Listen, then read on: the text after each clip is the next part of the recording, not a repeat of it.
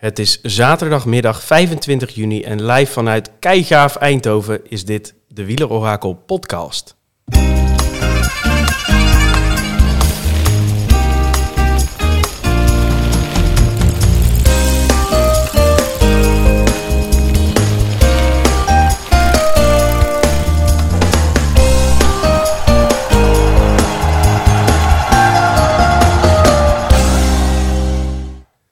De grote tourpodcast.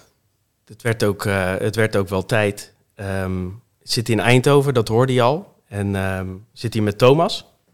Goedemiddag, eh, Tom. Goedemiddag, hoe is het? Het is goed. Leuk om eens in Eindhoven te zijn. Ja, we zijn op bezoek bij mijn, eh, bij mijn broer.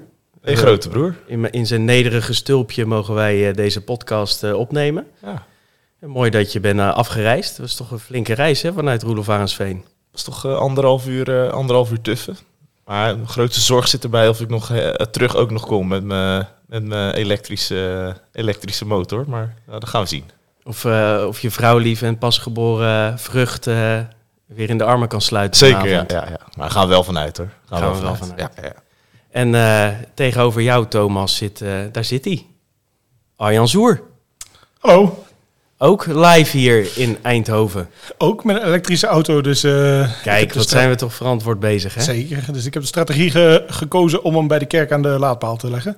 Ja, jij wel. Ik wel. Dus misschien moeten we halverwege even wisselen. ja dat kan. even, eh, als, ik, als je me even niet hoort, dan eh, ben ik mijn auto aan de paal aan het zetten. Maar. Ja, dan, eh, dan eh, nemen we dat stokje van, eh, van Arjan over. Eh, leuk dat je er bent, Arjan. Ja, zin in om de Tour voor te beschouwen met z'n allen. Ja, en voor het eerst zitten we, want naast jou zit nog iemand. Zeker. Voor, voor het eerst met z'n vieren. Daniel Herbers. Goedemiddag. Hey. Goedemiddag. En jij komt uit? Helemaal van, uit, vanuit Maastricht. Van zuid naar zuid. Hè? Nou, dan hebben we ongeveer het hele land ge- gerepresenteerd hier. We hebben eigenlijk nog een Fries nodig of zo. Ja, nou ja, Nostradamus, hè? Ja, Oh, ja. Die hebben we, een, eh, we hebben hem eh, eh, een klein beetje, daar komen we straks op terug, maar die hebben we een klein beetje in de podcast zitten. Maar leuk met z'n met z'n vieren. Nou, hoe mooi is het om, eh, om dan de grootste en mooiste ronde van het jaar eh, voor te beschouwen? Gaan we zo kort mogelijk doen. Beloof niks. Het kan wel eens uit de hand lopen. Hey, ehm, we beginnen normaal gesproken altijd met, eh, met stellingen. Ehm, daar heb ik nu dilemma's van gemaakt. Een beetje als in de, de Giro-podcast die we toen bij Domkop hebben opgenomen. Ik word natuurlijk op Twitter ook elke keer eh, met het Wielerorakel-account overspoeld met eh, eh, keuze A, B of eh, Woods of Bargiel, weet je wel, dat soort keuzes. Dus gaan we eens even kijken of jullie dat ook kunnen. Ik doe, doe steeds een dilemma. En dan uh, omst de beurt mogen jullie de naam noemen. Steeds Thomas, Arjan, Daniel. Yes? Ja. Komt-ie. Martinez of Thomas? Martinez. Thomas, Thomas. McNulty of Maika? Een McNulty. Maika, McNulty. Woods of Storer? Woods. Store, Woods. Pinot of Kort? Pino. Pino, Pino. Koen of Asgreen? Koen. Koen, Askreen. Mijntjes of Leknessund? Leknessund. en Mijntjes. Leknersund. Kijken of we een keertje overeenstemming kunnen krijgen. Dat is op zich Oh, wel Pino leuk. hadden we overeenstemming. Allemaal Pinot, ja? Ja, ja, ja. ik, had, Ja, no maar ik had kort in mijn gedachten, dus dat was ook niet goed. Ah, oké. Vogelsang of Schachman? Eh, Vogelsang. Volgens mij rijdt er maar eentje, Vogelsang. Als hij rijdt, maar. Is nog de vraag, hè? Of hij eh, met COVID... Hij heeft in ieder geval COVID, dus de Ja. vraag is inderdaad of hij rijdt. Caruso of Heek? Eh, Heek. Heek, Caruso. Cataneo of Lutsenko? Cataneo. ja, geen van beide, maar eh Cataneo dan. Cataneo. Vlaasov of Mas? Vlasov. Mas, Vlasov. Trentin of Christophe? Christophe. Christophe, Christophe. Uran of Quintana? Quintana. Oran, Oran. Kokar of Dainese? Kokkaar, Kokar. We zijn er bijna, jongens. Bargiel of Chavez? Chavez. ja, die is in vorm, Chavez. Ik ga ook voor Chavez. Laatste drie. Mohoric of Cosnefroid. Mohoric. Mohoric. Cosnefroid. Benjamin Thomas. Of Thomas, geen idee eigenlijk. Of Jorgensen. Eh Jorgensen. Jurgensen. Thomas. Laatste. Ewan of Philipsen. Philipsen. Philipsen. Philipsen. Kijk eens. Zo jongens. Mooi afgesloten, hè? De laatste was wel even allemaal, eh, Voelde allemaal dat? hetzelfde. Ja, voelde goed. Ja, dat was, die vond ik wel echt eh, goed te doen. Het zijn ook wel de meest eh, gekozen, eh, of in ieder geval de, de dilemma's die het meeste worden ja, voorgeschoteld aan ons op, dat, eh, op het Twitter-account. Ehm, ja, het is natuurlijk altijd een beetje, om het even, een beetje dezelfde prijscategorie, zelfde type vaak. Al de enige die niet helemaal hetzelfde type waren, waren Pinot en Kort. Ja. Ehm, maar wel allebei aanvallers, in ieder geval in mijn optiek. Ja. Dus ehm, nee, leuk, we komen er natuurlijk straks op terug. Want wat we, we, hebben, we gaan even eh, in vogelvlucht door het parcours heen. We, hebben, we, we zoomen in op de verhoudingen van, eh, van het team voor je Scorito-team. Eh, we hebben natuurlijk de computer aangeslingerd. Of in ieder geval, Arjan heeft zijn computer aangeslingerd voor de truien. En uiteraard, Daniel, jij krijgt ook het woord vandaag. Ja, voor de statistieken. Ja, Je hebt ze weer, je hebt ze weer meegenomen. Zijn En, en uiteraard sluiten we af met, eh, met onze tips. De must-haves, de don't-haves en de wanna-haves. Dus eh, genoeg eh, om te doen. Maar ik ben eerst wel eigenlijk benieuwd of jullie... ja, wat jullie nou van de Tour vinden... en wat je de leukste Tour-herinnering is. En volgens mij, Arjan, Ja, heb jij een mooie. Nou, ik heb er een aantal, maar de mooiste was in, en, en dit jaar komt hij erbij in de buurt, was de Roubaix-rit eh, eh, 2014, die Lars Boom won. Eh, ik stond met mijn vrouw in de gietende regen op de laatste kasseienstrook, waar, eh, waar Boom eh, demereerde bij voetbalzanger Nibali. Dus eh, ehm, ik heb het live zien gebeuren, ehm was fantastisch. En het was net een bergrit, want ze kwamen echt als verzopen katten in groepjes van drie, vier renners. Kwamen ze zo langs rijden, glibberend. echt een groot slagveld. Het enige jammer is, ik heb dus niet eh Contador en Vroom gezien, want die, die waren al weg, die eh, Tour. Tof. Dus dat is, eh, als jij aan de Tour denkt, dan denk je daaraan. Ja. Jij, Daniel? Ja, de eerste wat dan naar boven komt als je dat vraagt is eh, toch vijf jaar eerder, 2009. Eh waren de jaren daarvoor al een paar keer met, eh, met mijn ouders eh, vakantie geweest naar Frankrijk en dan de Tour af en toe bezocht. Ehm, mijn vader is ook een fanatieke wielervolger, dus uh, hoi pap. Dus die, eh, die nam, Hij nam ons altijd ook. mee. Hij luistert altijd. Ja. Eh, maar 2009 was eh, ja, de, de zomer waarin ik eh, mijn huidige vrouw leerde kennen en we de verkering kregen. Dus die, die tour van 2009 vergeet ik niet snel. En we stonden langs het parcours bij Annecy, de tijdrit waarin uh, waar Contador uh, flink huis hield. En uiteindelijk die, uh, die tour ook won. Dat was ook de tour waar Armstrong erbij was. Dus, uh, ja, ja, de return. Ja, ja, sweet memories aan de tour van 2009. En de tijdrit in Annecy. Leuk. Thomas? Ja, heel veel herinneringen. Wat, ik, wat mij echt bijstaat is dat wij, uh, wij gingen als familie altijd op vakantie naar Frankrijk. Hè, met de auto, wat is een grote, lange Volvo. En dan uh, vakantie in Frankrijk. Een van de jaren zaten we in, uh, in de Vogezen. Zaten we nabij Moulouse. Bij Moulouse, Gérardmer, dat, die regio. Klimtijdrit, toch? Ja, maar dit was in 2000. Ja, jaartal uh, moet ik me schuldig blijven. Het was het jaar dat uh, onze vriend uh, Pieter Wening de millimeter sprint won van Andreas. Van Kleuden. Ja, dat is wel ergens 2005, 2006, zoiets denk ik. ja, dat, maar het was eigenlijk is een heel slecht verhaal, want wij hadden die vakantie geboekt, tussen mijn ouders. En we zouden één week naar Frankrijk gaan en één week naar Italië. Maar we hadden eigenlijk heel erg naar ons zin in Frankrijk op de, op de camping. En dus eigenlijk eigenlijk wilden we helemaal niet weg. Want het was hartstikke goed en de Tour zou ook nog komen. Maar ja, we hadden Italië geboekt. Dus we gingen, maar uiteindelijk al topstoot, nou, we gaan wel. Dus uh, op de dag dat uh, Pieter Wening daar die sprint won van Andreas Kleude, zeg maar, vlakbij die locatie waar wij dus die eerste weken van vakantie zaten, uh, reden wij met onze auto over een of andere bergpas naar Italië.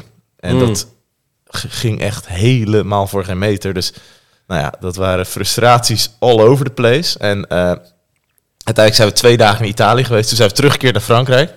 Maar die etappe van, Kleu- van Wening, die hebben we dus niet gezien. Dus, maar die heb ik laat, nadien nog wel vaak teruggekeken. Maar dat is een van de herinneringen aan de Tour die mij wel erg bijstaat, zeg maar. Ja, was ook nog niet zo makkelijk natuurlijk met eh, eh, op je telefoon bijhouden en eh, dat soort dingen. Nee, nee, dat was het toen nog gewoon met, met de wereldomroep. Hè? Had je zo'n radio en die moest je dan, op, moest je dan met zo'n knop moest je die draaien naar de juiste frequentie. en dan, ja, ja. dan, dan had je Radio Tour.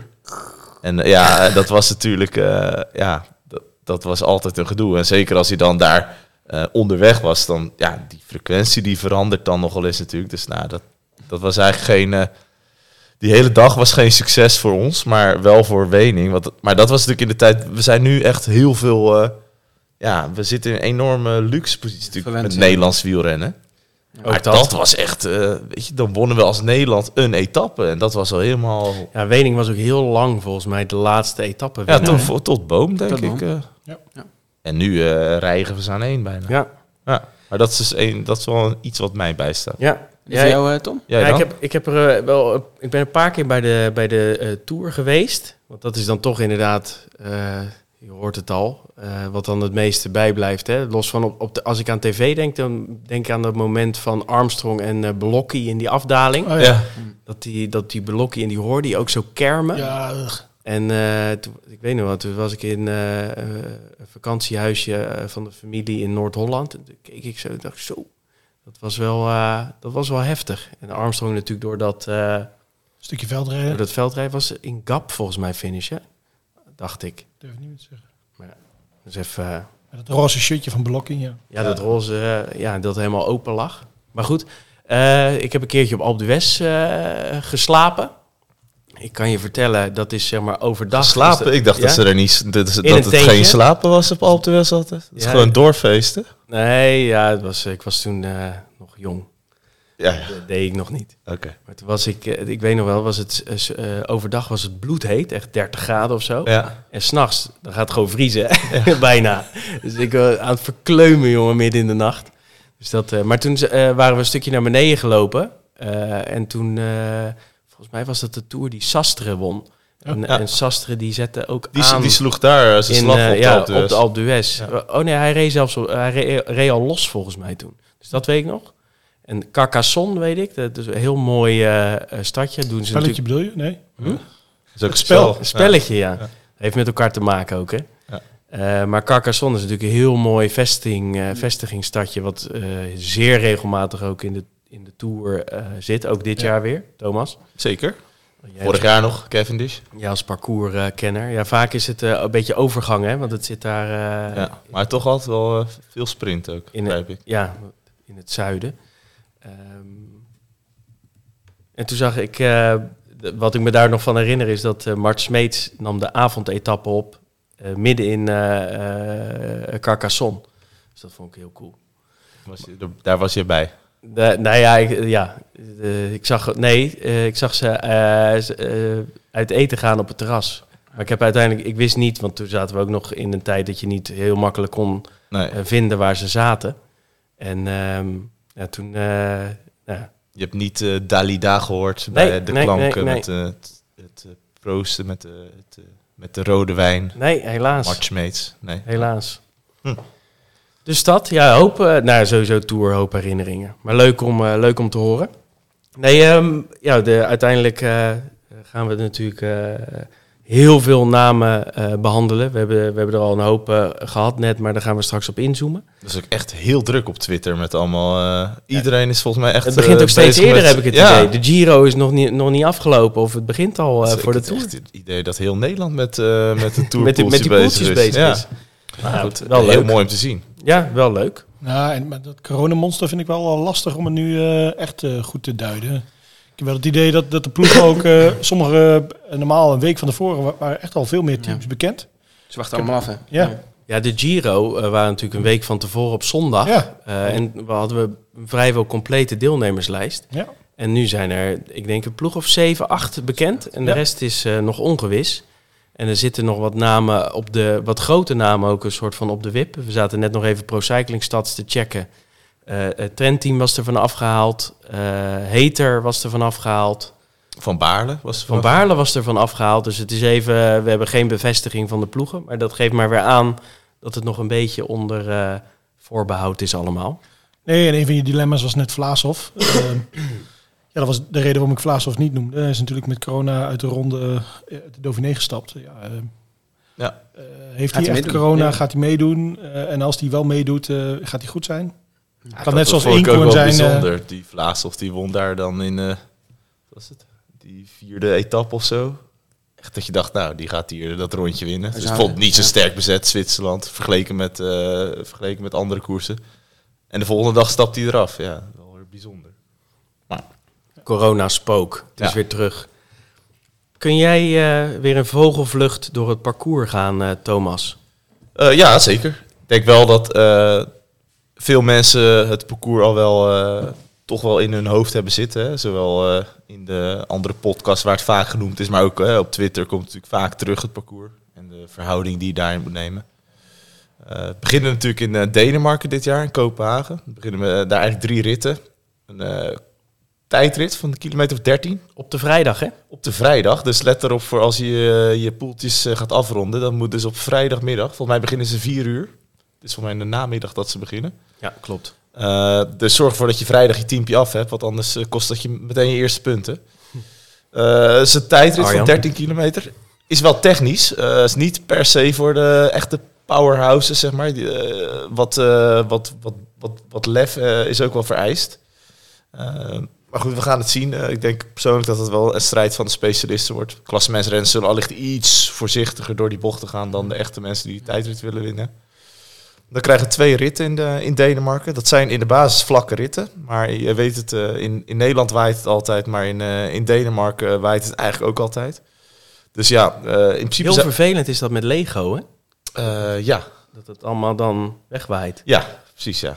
Ik heb nog nooit in, eh, De- in Denemarken gelegoed eigenlijk, maar dat... eh, Nee? nee. Ik zit verder, helemaal mijn, in, mijn- in, in mijn parcours en dan kom, kom, kom jij met je Lego. Ja. Nee, maar wat ook wel leuk is aan Denemarken, dat is om te noemen, is die tweede etappe. Die eindigt dus eigenlijk eh, twee kilometer nadat ze een brug over zijn gegaan. En dan denk je, nou, een brugje over. Maar dat is dus een brug van 18 kilometer. Ja. Hoge brug. Eh, dus vangt ook veel wind. Nou, het waait er altijd boven het water. Ja, vol- eh, Pim, ja, je mag me er wel op vastpinnen. Daar gaat wel gebeuren. Dat gaat geen normale, normale sprint worden. Eh, derde etappe dan denk ik weer wel. Hè. Dat is dan, vaak zie je dat de eerste etappe in de Tour... dat het al, altijd een, eh, wat chaotisch is. En dan gebeurt altijd iets.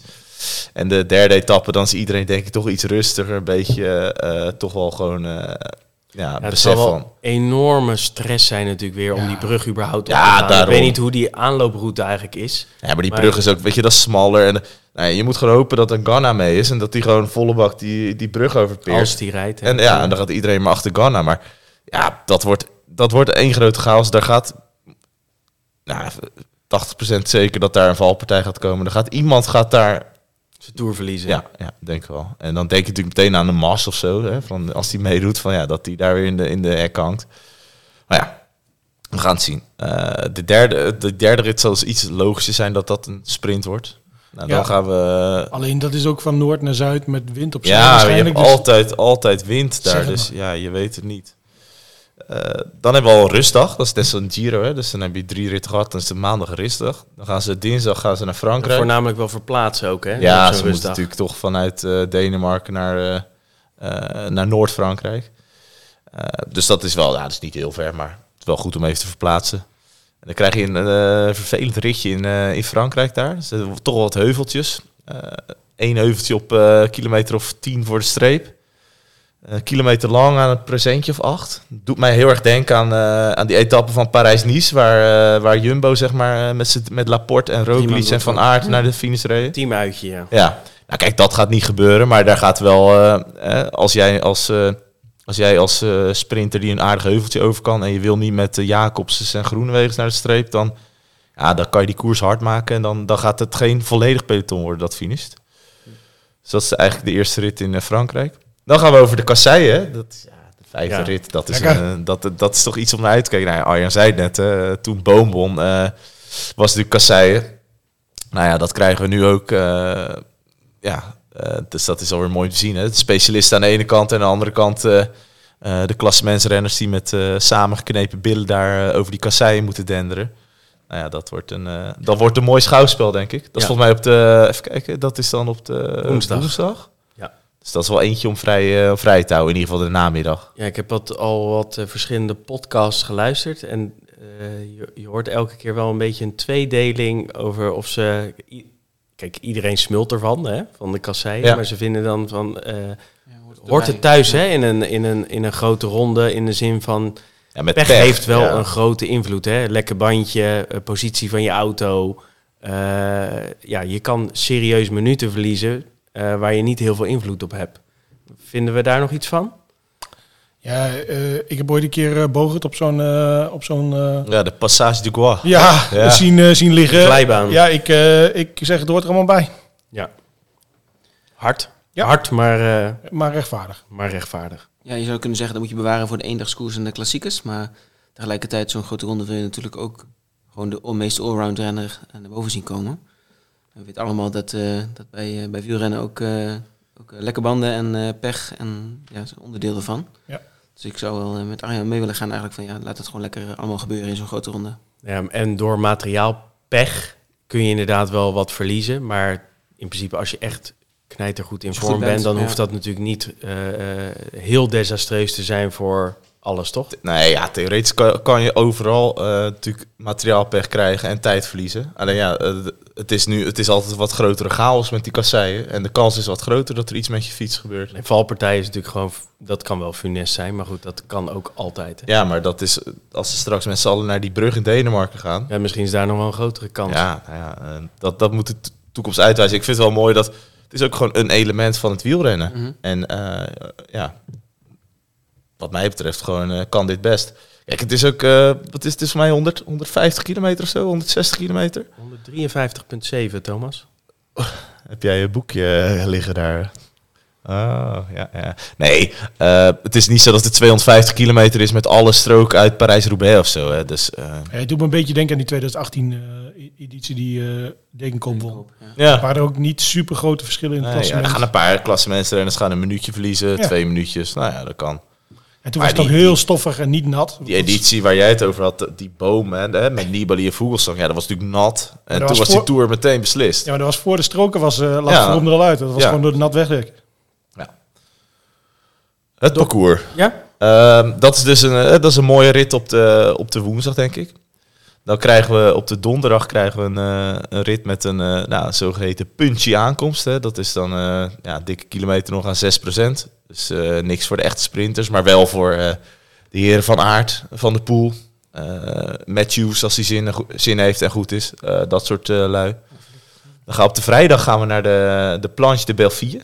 En, de super. we gaan zelfs naar de Super Planche de Belleville. En dat is... nou, dat zal Chicone en Teuns nog in het eh, geheugen staan. Hè? Die, die gingen ook naar de Super Planche de Belleville een aantal jaar geleden.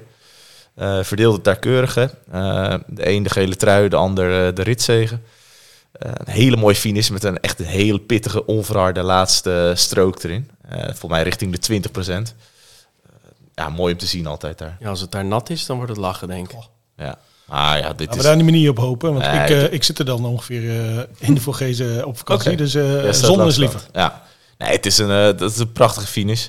Dan krijgen we die dag daarna op de zaterdag krijgen, we- krijgen we weer een punchy aankomst in eh, Lausanne.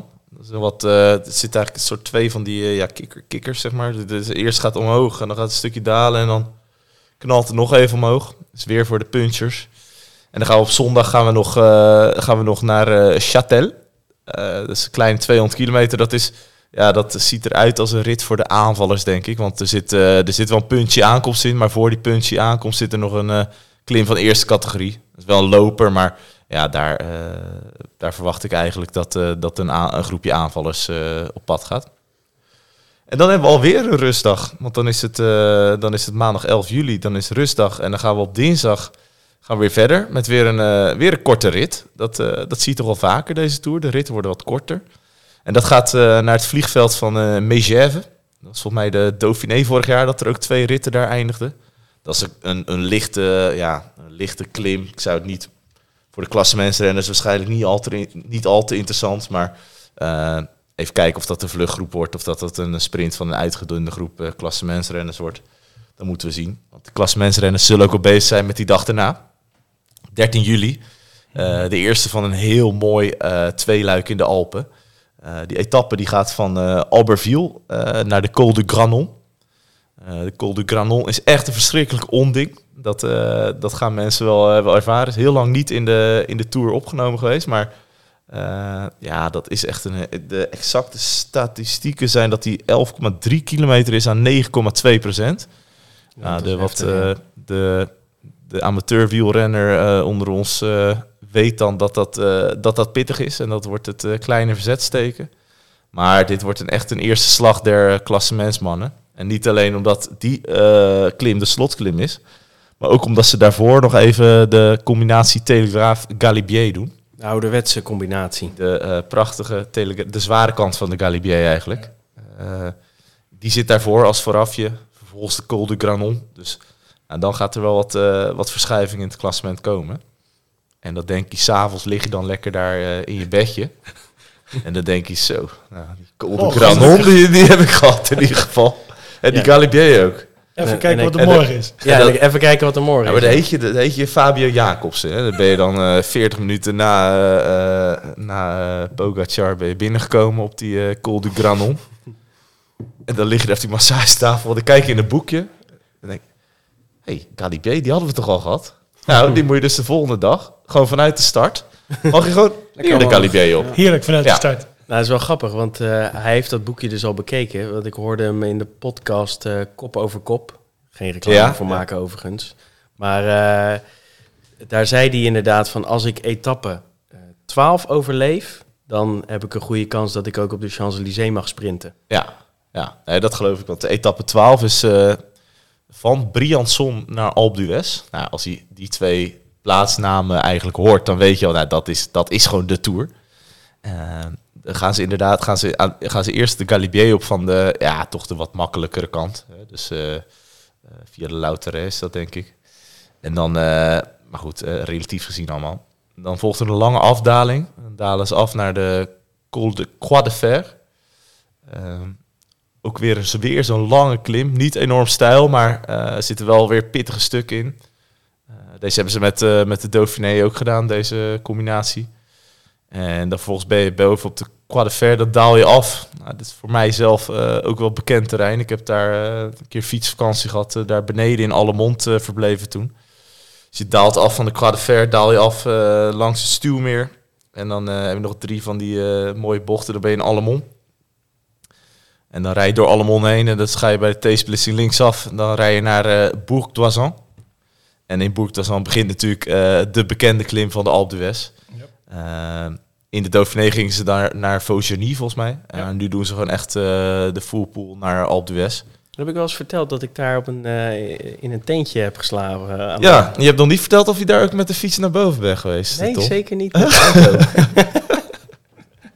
nee, ja, dat, dat, dat heb je verteld. Ja, nee, maar dit is, dit is zo'n etappe dat, nou ja, voor mijzelf uh, persoonlijk ook, omdat ik gewoon echt daar zelf ook veel gefietst heb, dat het mooi is. Maar ja, hier zit echt die, die klassieke, die klassieke Alpenreus in. En, ja, prachtig.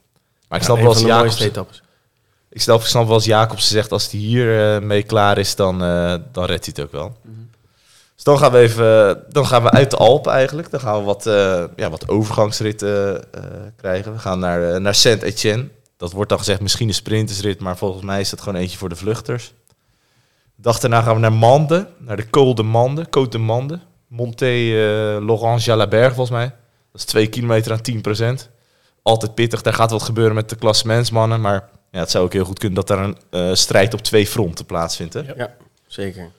We krijgen etappe 15 naar uh, Carcassonne. Mooi. Nou, Heb ik daar wel eens over verteld? Daar ben je volgens mij wel eens geweest, ja. hè? Ja. ja. Bart Smeets heeft er ook nog een keer de avondetappe opgenomen, volgens mij. Ja, ja. klopt, ja. Maar jij zei uh, dat wordt sprinten en dat ziet er ook wel uit. Ja, ik, ik weet niet of sprinten wordt. Dat is weer zo'n etappe die volgens het routeboek voor de sprinters is. Maar waar, ja, waar het ook even afhankelijk is van wie er nog in de race zijn en wie er nog zin hebben om te sprinten. Dan gaan we richting de Pyreneeën al. Want dan gaan we naar uh, Foix, etappe 16. Uh, daar zit, dat is een opwarmtje. Twee calls van de eerste categorie, maar wel finish na een afdaling. Hmm. En dan krijgen we weer een prachtig tweeluik in de Pyreneeën. We krijgen eerst een etappe naar uh, Peragude. Uh, nou, dat zul je waarschijnlijk niet direct iets, voor de, iets zeggen, maar dat is een, Ja, dat is een prachtige klim van eerste categorie, waar dan eh, de laatste kilometer heel stijl is. Dus dan zie je die renners ook, daar hadden we het met Kelvin Dekker nog over. Dan zie je die renners echt één voor één zo'n soort van boven komen. Dat is ook een vliegveld. Eh, dat bouwen ze in Frankrijk blijkbaar allemaal op enorme Echt, hoogte. ja. Maar daar zie je ze één voor één zo boven komen. Dat is echt heel stijl. En dat was toen die finish met Aru Ah. en Froome. En, eh, Die mooie shots. ja, zeker. Eh, nou, daarvoor zitten nog twee calls van eerste categorie en eentje van tweede categorie. Maar met name die finish is echt, eh, echt prachtig. En dan krijgen we de, ja, eigenlijk de, de rit waar de, de voor- en Scheidung allicht eh, plaats zal vinden. Eh, etappe 18, dat is van, eh van Lourdes, Lourdes. Dus dan kunnen ze nog een, eh, ja, nog een schietgebedje water nemen. Ja, even kijken hoe Maria eh, eh, het vergaat. In, Erbij hangt. ja. En dan gaan ze naar, eh, naar Otakam. Otakam, ook een van de plaatsen waar Armstrong een keer een gigantische demonstratie heeft gegeven. Ze gaan daar dus heen via de, ja, de Col. En eh, dat is natuurlijk sowieso ook al eh, echt een, eh, een wereldberoemde col uit de Pyreneeën. En dan gaan ze nog over de Col de Spandel. Is eerste categorie. En dan vervolgens finish op Otakam. Ja, dat, daar, eh, daar, kan je ook, eh, daar zou ik ook een dagje vrij voor nemen voor die etappe. is echt lange stukken aan eh, meer dan 7,5 procent. Dus Ja, dat is- ja, is echt een pittige klim. Wel je een klimbenen niet op ondergeschroefd en hij zware, ja, zware dag. zeker na, na bijna drie weken koers. Ja, dus dat is de donderdag in de derde week, hè? Ja, zeker. En dan heb je nog de, de vrijdag is dan een, ja, een vlakke rit naar Cahors. Ja, dat, Een ouderwetse overgangsrit, hè? Ja, wa- wat wel een sprint zou kunnen worden als eh, veel mensen er zin in hebben. Maar als de tien, men, eh, tien man met nog sterke benen daar op pad gaan, dan zie je die waarschijnlijk niet meer terug. Zo'n rit die Polliet volgens mij vorig jaar een keer won. Met zo'n sterke kopgroep. Ja, ook wel mooi altijd, hè? Zo- Ja. Zo'n Ja, vind ik dat wel. relatief grote kopgroep elkaar dan helemaal gek maakt. Ja. En, eh, Dan een ja, Nederlander die wint. Ja, misschien dat Van der Poel nog wat energie over heeft. Erik Dekker misschien wel. Minimaal weer de helft eh, Nederlanders in de kopgroep, toch? Dat was in de Giro. Ja. Goed. Ja, dat, dat klinkt goed, ja. We zijn verwend. Eh, etappe 20, de beslissing, eh, gaat plaatsvinden op een tijdrit van eh 41 kilometer. Lange tijdrit.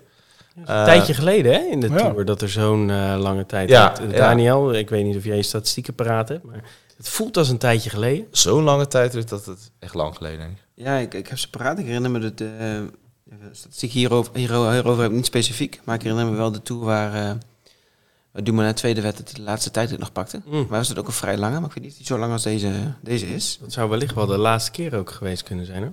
Ja. Vaak, eh, en dat heeft als reden volgens mij, dat ze... eh, Ze willen altijd die Fransen beschermen. ja, ze wilden natuurlijk de Bardetjes, de Pinootjes, die kunnen natuurlijk voor geen ene meter tijd rijden. En dan proberen ze zo min mogelijk tijdritkilometers erin te hangen. Ja. Ja, nu hebben ze gewoon gedacht van, nou, er gaat toch geen Fransman eh, meedoen voor de zegen. Ja, laten we maar weer even een lang tijdritje erin Ja. knallen. Want dat vindt Pogacar misschien niet leuk of misschien wel leuk. Ja, normaal had je dan een tijdrit met in ieder geval nog een klim erin, zeg maar, waar je zelfs nog bergpunten kon pakken. Nou, de Ja. Fransen gaan nu voor de bergtrui. Dus nu is het een redelijk vlakke, vlakke tijdrit zonder bergpunten. Dus eh, Nou, het, is, het is inderdaad eh, gewoon een lange tijd. Hij is vlak, maar aan het eind zitten nog wat twee heuveltjes. Hè? Dus echt, dan heb je 35 kilometer gehad, vol, volle bak. En dan krijg je nog twee van die heuveltjes van eh, anderhalf nog wel- Die kilometer. zullen nog wel pijn doen. Ja, die voel je wel, ja. anderhalve kilometer aan 4,7 procent is te Ja, doen, denk ik, voor de, na voor de bijna, powermannen. na bijna een Na uur bijna- in het rood. Ja, maar ik denk dat er ook iets niet door heeft dat je omhoog gaat. Roglic gaat, wel, die. Roglic gaat natuurlijk nog wel even denken... hey, tijdrit op Ja, de een ene laatste dag. Maar ja, we gaan het zien. Hij Ik was denk, goed het is maken. geen planche, wel vier, dat klopt. En de laatste etappe eh, gaat dit jaar naar, eh, naar Parijs, Nee. naar de Champs-Élysées. Ben je? Ah, verrassend. Zo. Ja, ja. Ik denk ze doen een keer Milaan of zo. Nee, nee, nee, nee, nee, nee. De Giro wisselt natuurlijk nog wel eens wat met eh finishplaats. Maar nee, de Tour toch weer eh, Parijs. Champs-Élysées. Nou, dat is bekend natuurlijk. Hè. Wie, gaan we kijken wie daar de opvolger van eh, Wout van Aert wordt. Dus, Van eh, Aert, ja. Nee, dus dat, dat wordt hem echt een- ja, een heel divers parcours. Mooi parcours, denk ik ook. eh, voor ieder wat wils. En er kan, eh, in elke week kan er wel iets gebeuren. Nou, ik vind het mooi dat we hem even in vogelvlucht hebben behandeld. eh, Ja, jij vindt het weer geen vogelvlucht waarschijnlijk. Heb je de timer Daniel? Daniel. Ja, sorry. Ik, eh, ik, heb, eh, ik heb je al gewaarschuwd. De man is zo gepassioneerd, hè. Dat is Ja, echt... dat Ja. hoor je erdoor. Hè. Ja, Ja. toch? Ja. Nee, ik vind dat echt... eh, ja. Zal nu even... eh, Nee, het is, een mooi, eh, het is een mooi en divers parcours. Ehm, ja, dan is het altijd een kwestie van doorvertalen naar je Scorito-team. Hè? Want eh, of Ja. in dit geval het Scorito-team, omdat we nou ja, dat allemaal relatief fanatiek spelen. Ja. Omdat we daar ook een grote subleague hebben waar we nou ja, nu toch alweer bijna 1500 man en waarschijnlijk gaan we wel richting de 2000 man weer in hebben zitten. Dus dat is tof. Daar komen ook de meeste vragen op. Je hebt 20 plekken. Eh, dan ga je altijd kijken van oké, hoeveel sprintritten, hoeveel bergritten, hoeveel tijdritten, dat soort dingen. En dan kom je in een, in een verhouding. Nou, die verhouding die, nuist, die luistert altijd ja, eh, re- relatief eh, nauw. Want het, het gaat vaak om een paar keuzes. Ga je een extra sprinter erin zetten of juist weer niet. Ehm, maar we hebben onze Nostradamus. Ja. Martin Hoekstra. Die gastblogt eh, eh, tegenwoordig voor ons. En die neemt ons elke keer mee in al alle struggles rond zijn eh, Scorito. of Rond het samenstellen van zijn Scorito-team. En dit keer houdt hij een mooi dagboek bij. En in dat dagboek heeft hij ook zijn verhoudingen gedeeld. En wat hij zegt is dat je twee pure sprinters moet meenemen. Nou, pure sprinters, dat zijn, is dan categorie Jacobsen. Ik schaar Philipsen daar ook onder, maar die met een beetje fantasie kun je die al een allround sprinter noemen. Hè? Ehm, maar goed, Philipsen heeft weer eh, Van der Poel, die als het iets zwaarder wordt waarschijnlijk het stokje overneemt. Eh, maar Ewan is ook een pure sprinter. Sam, Wegen. Sam Bennett, Dylan Groenewegen. eh, dat soort types, even voor de, voor de duidelijkheid. Dan heb je drie allround sprinters. Dus twee puur, drie allround. En hij zegt dan plus van aard. Nou ja, eh, ik had zelf een staartje gemaakt, drie puur, drie allround. Dus dat komt in principe neer op zes sprinters die je grofweg zou moeten nemen. Eh allround sprinters schaar ik onder Pedersen, Christophe ook wel, eh Kokkaar, ehm, Wout. Wout zelf, Van der Poel dus niet even voor de duidelijkheid, omdat Van der Poel heeft Philips in zijn team en Ja. zal niet de massasprints gaan Nee. doen. Hij vindt dat niet leuk. Hij heeft Philips in het team. Hij hoeft geen groen. Hij heeft hij al gezegd. Hij gaat dat niet doen. Dus even voor de duidelijkheid, Van der Poel hoort daar niet bij. Dan heb je, eh, zegt Nostradamus, 8 GC, dus 8 algemeen klassement, eh, plus een ploeggenoot van Pogacar. Je ziet eh, zeker de afgelopen eh, twee tours eh, die hij heeft gewonnen, dat zijn ploeggenoten natuurlijk ook ontzettend veel Punten meenemen. 10 punten Ja. pakken. Eh, en dat komt dan weer voornamelijk omdat hij geel en wit pakt. Ja. En ook dit jaar mag hij weer rustig meedoen met de witte trui. Ja. En vandaar dat een, een eh, UAE-renner toch best wel interessant is, eh, aangezien Pogacar weer de topfavoriet is. Dan één allround tijdrijder, type Koen, Asgreen, Ganna, misschien zelfs Bjerg. Eh, en dan heb je vier aanval Punchberg. En daar schaar ik dan ook Van de Poel onder. Maar ook typen zoals nou, Ala Philippe, die misschien wel, misschien niet gaat rijden. Normaal gesproken een zekerheidje in je poeltje, maar kan me voorstellen nu niet. Woods, ehm Cataneo, eh Cosnefroid. eh, Cosnefroid, eh, noem het maar op, dat soort type renners. Ehm, dus ja, dat is, dat is een beetje de verhouding die, je- die je dan moet, eh, eh, moet opzoeken. Eh, inderdaad, relatief weinig sprintritten. We zaten al een beetje te bakkeleien voordat we de uitzending begonnen. Eh, in van hoe, hoe vaak wordt het nou sprinten? Hè? Wordt dat nou, eh, ja, als je echt alle dingen goed vallen, dan zou je eh, zes, zeven keer kunnen sprinten. Maar realistisch is denk ik vier, vijf.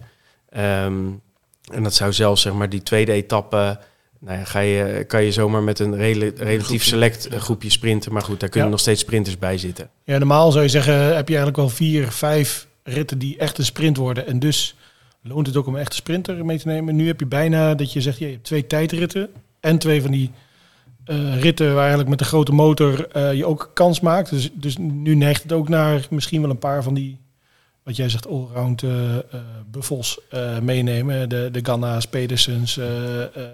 Ja. Die, die kunnen maar zo vier, vijf keer meedoen voor de, voor de echt serieuze prijs. Ja. Mijn, ehm, mijn ding in mijn team is ook, ik, ik wil in principe vijf mensen die ook massasprints rijden, plus van aard. Dus Ja. dan heb je zes man die je in de massasprint zeg Ja. maar kan opstellen. Nou, dat doe je dan een Van der Poel nog bij, omdat je, je weet het maar nooit. En misschien tien punten voor, eh voor Philipsen. En dan kun je nog aanvullen met nou ja, of een Pogacar of zekere punten. eh, wat zekere punten van iemand die in een trui staat of weet je wel, Ja. dat soort dingen. Ja, we hebben het net over het parcours gehad, maar echt die eerste week is zo belangrijk hoe je die inschat. Dus wie gaat de openingstijdrit winnen? En gaat die uit het geel gereden worden tot Arendsberg? Of misschien zelfs pas na Arendsberg?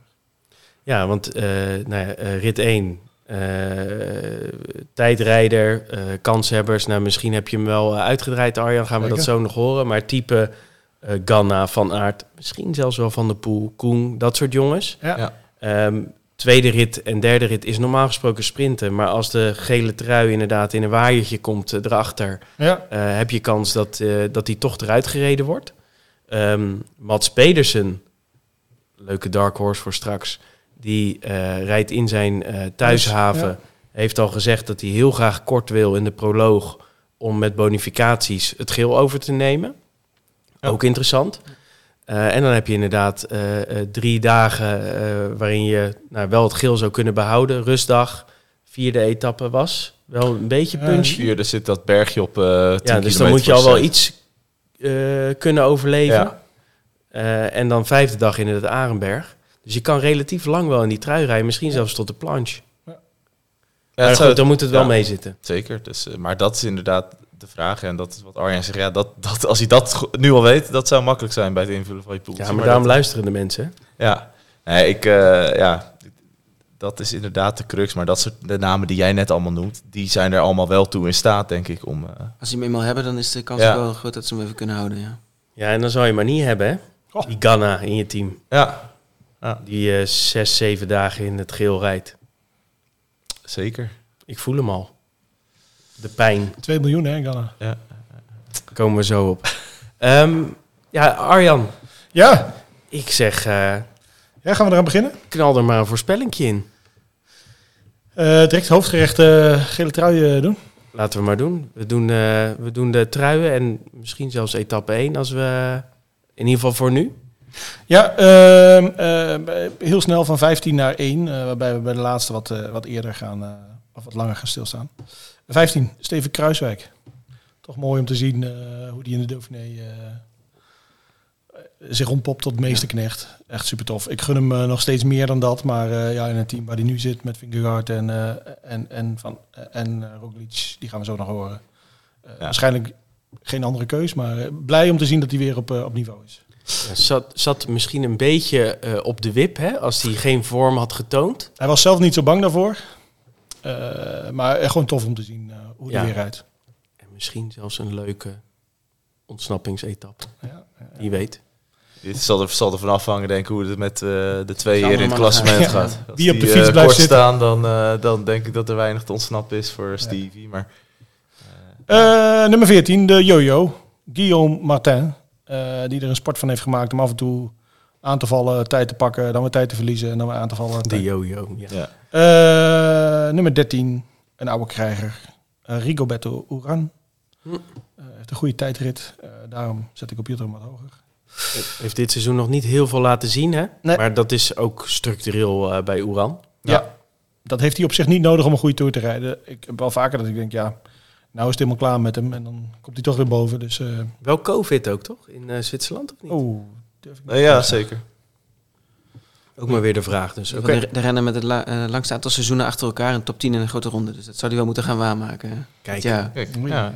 daarvoor waar Daniel erbij zit, hè? Eh, nummer 12.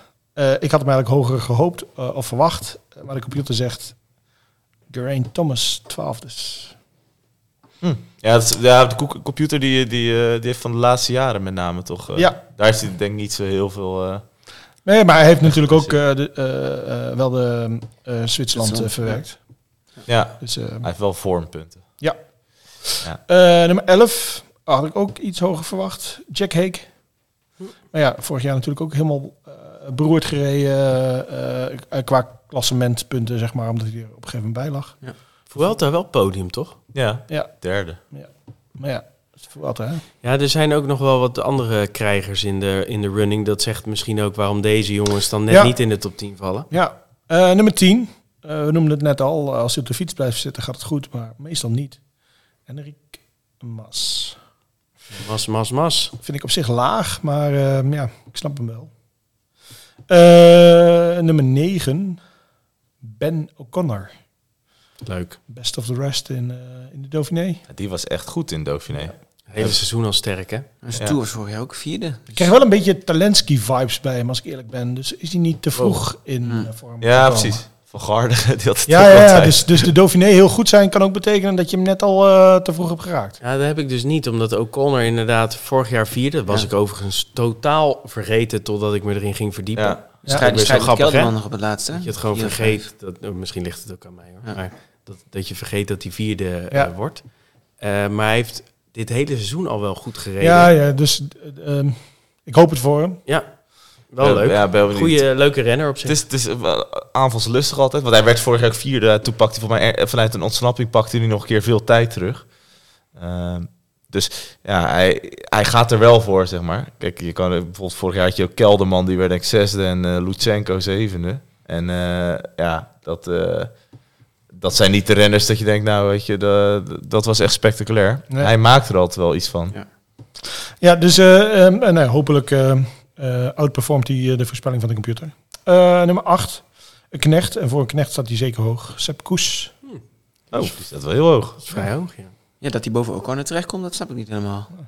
Eh, de computer een raar ding. Eh, nummer 7. Eh, ik had hem eigenlijk omgeruild met nummer 11 in mijn eigen hoofd. Maar eh, de computer zegt Damiano Caruso is de eh, persoon van Bahrein die het meeste Hmm. kans heeft op een hoge notering. Ja, Mr. Steady. Ja. Zevende plek, niet gek. Eh, nummer 6. Daniel Felipe Martinez. De kopman of niet van Ineos? Ja, ze, ze, ze hebben eerst gezegd dat Yates kopman was. Ja. Maar toen, toen had Yates COVID. En dan Ja. zou je zeggen, er wordt Martinez kopman. Maar die, liet, het- Thomas die zo was ook niet heel denderend in Zwitserland. Nee. Tenminste aan het begin. Tijd was wel oké, maar goed zo. Ja, maar ook weer niet... eh, hij kan beter, denk ik. Mm. Ja, maar dat Mart- kan ook weer zeg maar, zijn dat iemand juist in die opbouw is... Ja, en dat hij in de ja, Tour ja, wel ja, goed is, ja. hè? Ja, Martinez heeft ook weer een goed voorseizoen gereden. Ja. Heeft natuurlijk eh, vorig jaar Giro vijfde in dienst van eh, Bernal. Bernal. Nu een goed voorseizoen. En inderdaad, wat ik ervan begreep is dat hij van hoogte terugkwam. Ja. Zwitserland ging rijden. En de eerste etappe eh, liep het niet. En daarna heeft hij in dienst gereden van Thomas. Maar heeft hij ook wel forse beurten gedaan hoor. eh, Ja. op, die, op die slotklimmen. ja, maar ik ben wel een beetje bang dat hij daar juist heel goed in is. Voor, Ja. iemand, voor iemand anders rijden. En als hij En, het zelf en juichen, hè? Ja. Gewoon schreeuwen. naar- toeschreeuwen, kom, we moeten. Maar naar zichzelf toe is lastiger, denk ik. Maar we gaan het zien. Eh, volgens de computer heeft hij iemand voor hem waar hij, eh, waar hij voor kan werken. Dat is namelijk Adam Yates. Die zet de computer op 5. ja. Wat moet je nou van Adam Yates denken? Gewoon Ja. niet zoveel, denk ik. Hij is een keer vierde geworden in de Tour, maar dat is ook alles eh, wel meer gezegd wat betreft zijn... eh, Ja, maar ja, vorig jaar ook. Dan wordt hij volgens mij top 5 zo in de, in de Vuelta. En hij wisselt zo van die mooie Ja. dagen af met, met zulke dramatische dagen. Dat je denkt, ja, Ja. wat en uiteindelijk heeft Ineos hem wel gehaald natuurlijk om, eh, om die klassementsrol op, te, op zich te nemen. Ja, maar het is ook met. Simon Jezus heeft natuurlijk ook wel, eens- die heeft er ook wel een handje Ja. van. Dat, ja, je kan er gewoon niet echt altijd op bouwen. Ik laat hem thuis. Check. Eh, ja, ik, ik weet nog niet. Ik heb er ergens zwak voor, maar hij heeft me vorig jaar in mijn, had ik het weer dat algemene poeltje, heeft hij me wel wat punten geholpen. Ook weer COVID. Ja, ja ik eh, durf er niet aan. Nee. Eh, nummer 4, nog een twijfelgeval. Eh, als hij geen corona had gehad eh, en niet was uitgestapt in Zwitserland, had ik hem zeker dat is een no-brainer. ja. Nu zit ik echt te twijfelen. Misschien gaat hij mee. Vlaasov. Ja. Ja, ik denk als eh Vlaasov start, dan neem ik hem mee. Want dan Ja. kan die blijkbaar starten. Dan Ja, vindt ze maar, ja, maar, maar wat heeft Bora dan voor alternatief als ze niet Vlaasov opstellen? Hindley, hè? Ja, die heeft de Giro gereden. Er zijn toch wat mensen in, eh, in een fake eh, nieuws eh, getrapt vandaag, hè? Twitter. Die hebben, die hebben ja, al opgesteld, klopt. denk ik. Ja. Ja. Ja, er was een team gelekt van Bora. Ja. En daar stond Hindley in, de, in plaats van eh Vlaasov. Vlaasov. Maar het was eh, inderdaad een fake. Maar in die zin, de, de Schachmans en de Vlaashoffen van deze wereld die stonden daar niet tussen. Wat Ja. op zich heel goed zou kunnen. Ja. Eh Schachman heeft ook het eh eh, Duits kampioenschap niet gereden omdat Nee. hij eh coronabesmetting heeft. Dus- Dus nog steeds kan het. Het lijkt me heel onwaarschijnlijk wel dat Hindley eh, gaat rijden. Dan zou ik Higita eh, opstellen. Ja, of Kemna.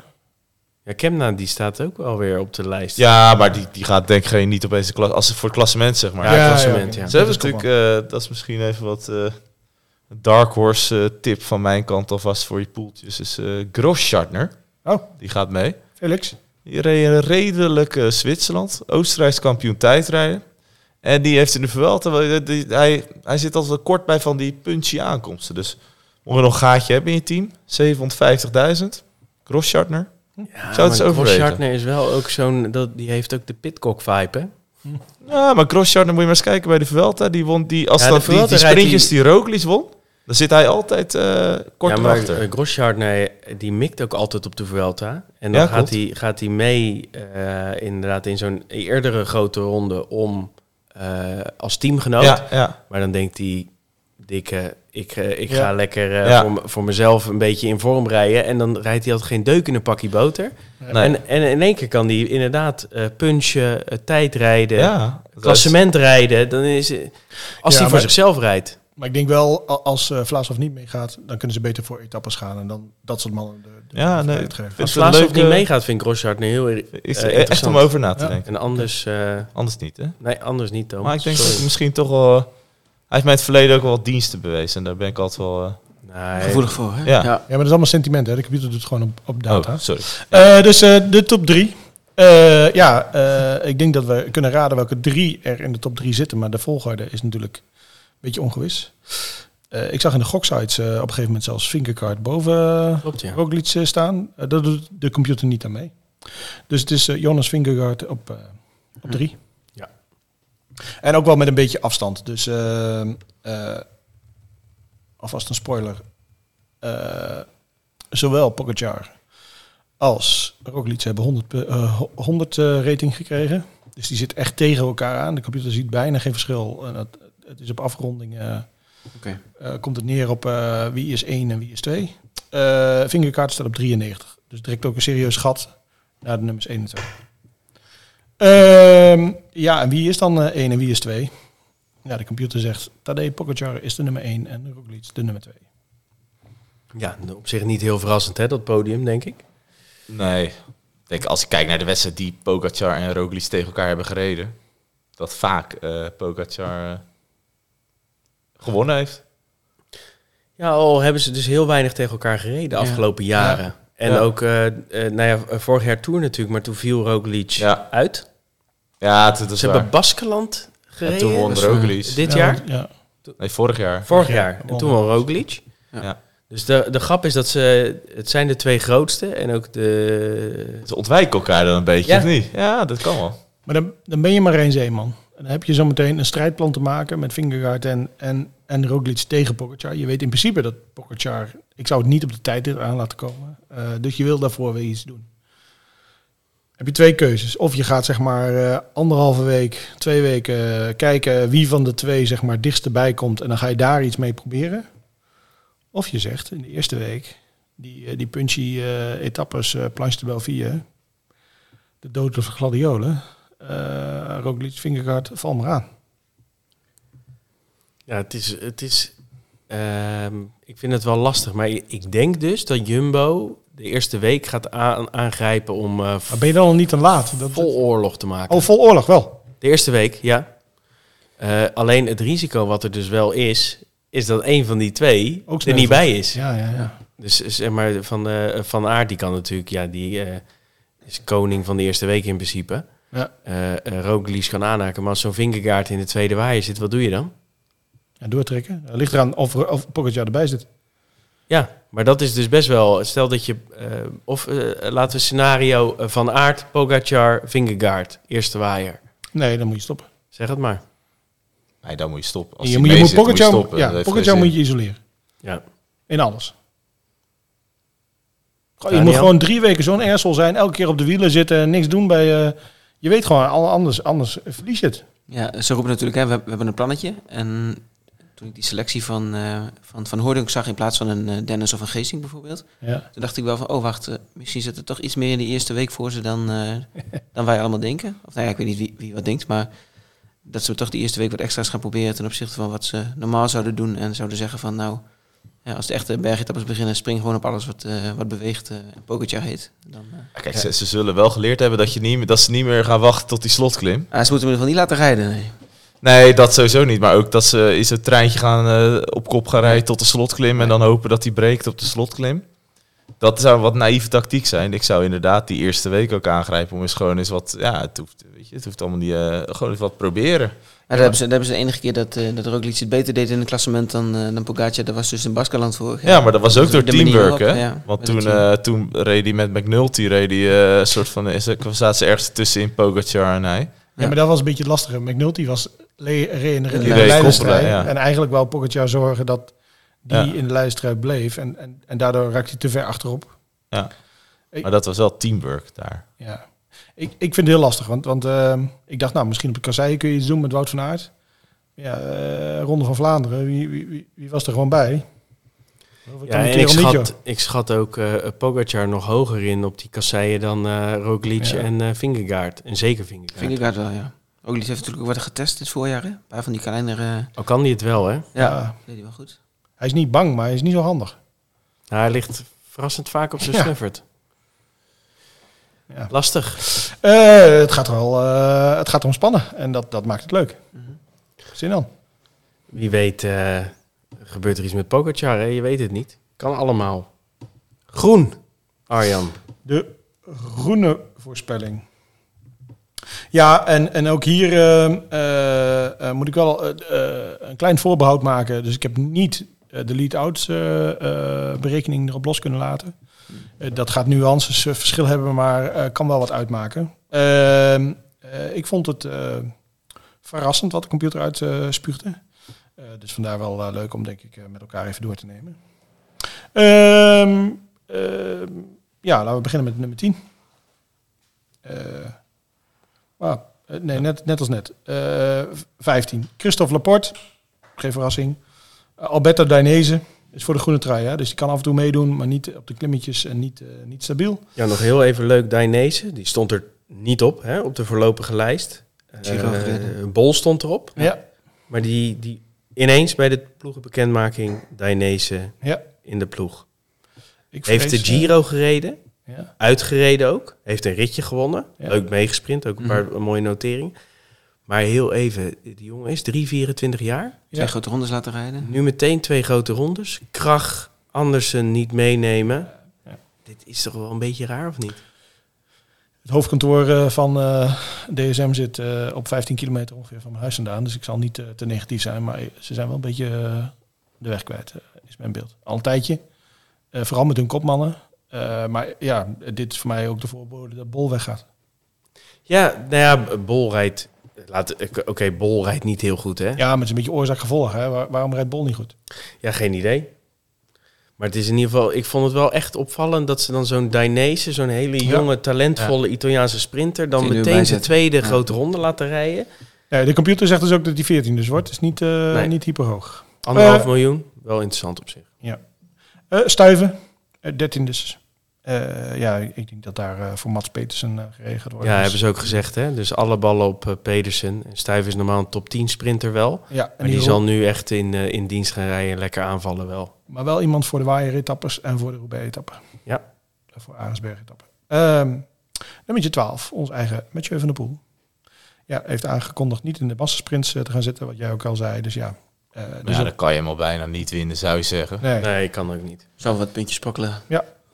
Eh, 11, die, die vind ik eigenlijk opvallend laag. Eh, maar misschien wel ook vanwege de kwaliteit daarboven. Eh, Brian Kokkar. Eh, doet denk ik altijd wel mee voor de groene trui, ook al wil hij het niet. Maar de tussensprints en zo. eh, dus ja. Ja, zo'n leuk meesprintertje, hè? Ja. Ze, ze, Re- Rennen met de meeste zegens zonder een World Tour zegen. Dus, Kijk. eh, Ja. Nee, maar dat, inderdaad, want Ja. zo eentje is het dus. Ja. Die, die sprint veel eh eh ereplaatsen zeg maar, bij elkaar. Ja. Eh, is ook de enige man van Cofidis hè, voor de sprint. Dus Ja. dat, dat vind ik altijd interessant als ik poeltjes eh, doe natuurlijk. Kijken eh, wie prioriteit heeft eh, in zo'n in zo'n team. En dan is Kokkaar voor anderhalf miljoen natuurlijk wel interessant. Dan eh, de eerste grote naam die voor mij heel laag staat. Sam Bennett. Hm. Ja, De, de kopman bij eh, Bora, toch? Voor de sprint. Ja dat, dat wel. Maar dat, dat is natuurlijk de laatste week is hij dat ook wel eens wat meer geweest. En dan kon hij ook eh, eigenlijk... eh Hij En komt van Poppel voorbij. voorbij, zeg maar. Dus dat, ja, ik weet niet. Ik vind bij Sam Bennett altijd... eh, hij heeft dit jaar voor mij één... één hij won een keer een koers ergens. Ja, dat de was hè? Dat je dacht van, nou, weet je, dat is een soort overtuigend. Ja. Maar de laatste weken niet eh, zo. zo. Oh, je wordt er even emotioneel Ja. van, eh, zie ik. Ja, ik- dat doet me echt wat. Nee, nee maar laatste weken vind ik dat echt wel, eh, wel zwaar tegenvallen. Ja, ja. Ja, Is maar Frankfurt won die inderdaad, ja. ja. dat was ook de enige eh, zege dit seizoen. Ja, tiendes dus. Ehm, eh, nummer 9, we hadden het er net over dat hij misschien niet reed omdat hij bij Pro Cycling Stads eh, van de eh, startlijst was gehaald. Bij First Cycling staat hij er nog. Matteo Trentin. Hm. Eh, ik denk dat hij vooral moet loodsen voor Pogacar in de, in de, in de waaierritten, et cetera. Dus ik weet, dat gaat een punt kosten, denk ik. Maar eh, anders doet hij altijd wel mee, lijkt mij. Ja, meestal sprint hij wel mee. Ja. Niet voor de, voor de top drie, maar wel daarachter. Eh, nummer 8, die had ik zelf hoger ingeschat. Fabio Jacobsen. Hm. Dit kan ermee te maken hebben dat ik nog nu, nu nog niet eh Markov heb eh, toegevoegd aan, eh, Ah ja. aan de lead-out train. Ja. Dus wellicht gaat hij nog hoger komen Ja. in de blog. Eh, nummer 7, good old Peter Sagan. Peter de Grote. Is dat omdat hij er zeven keer gewonnen heeft of omdat hij er zeven is in deze lijst? nee, eh, eh, eh, de computer doet niet met jouw statistieken, zeg maar, maar eh, wel een mooie overeenkomst. Eh, ja, eh, de computer herkent wel de kwaliteiten voor de groene trui eh, van Peter.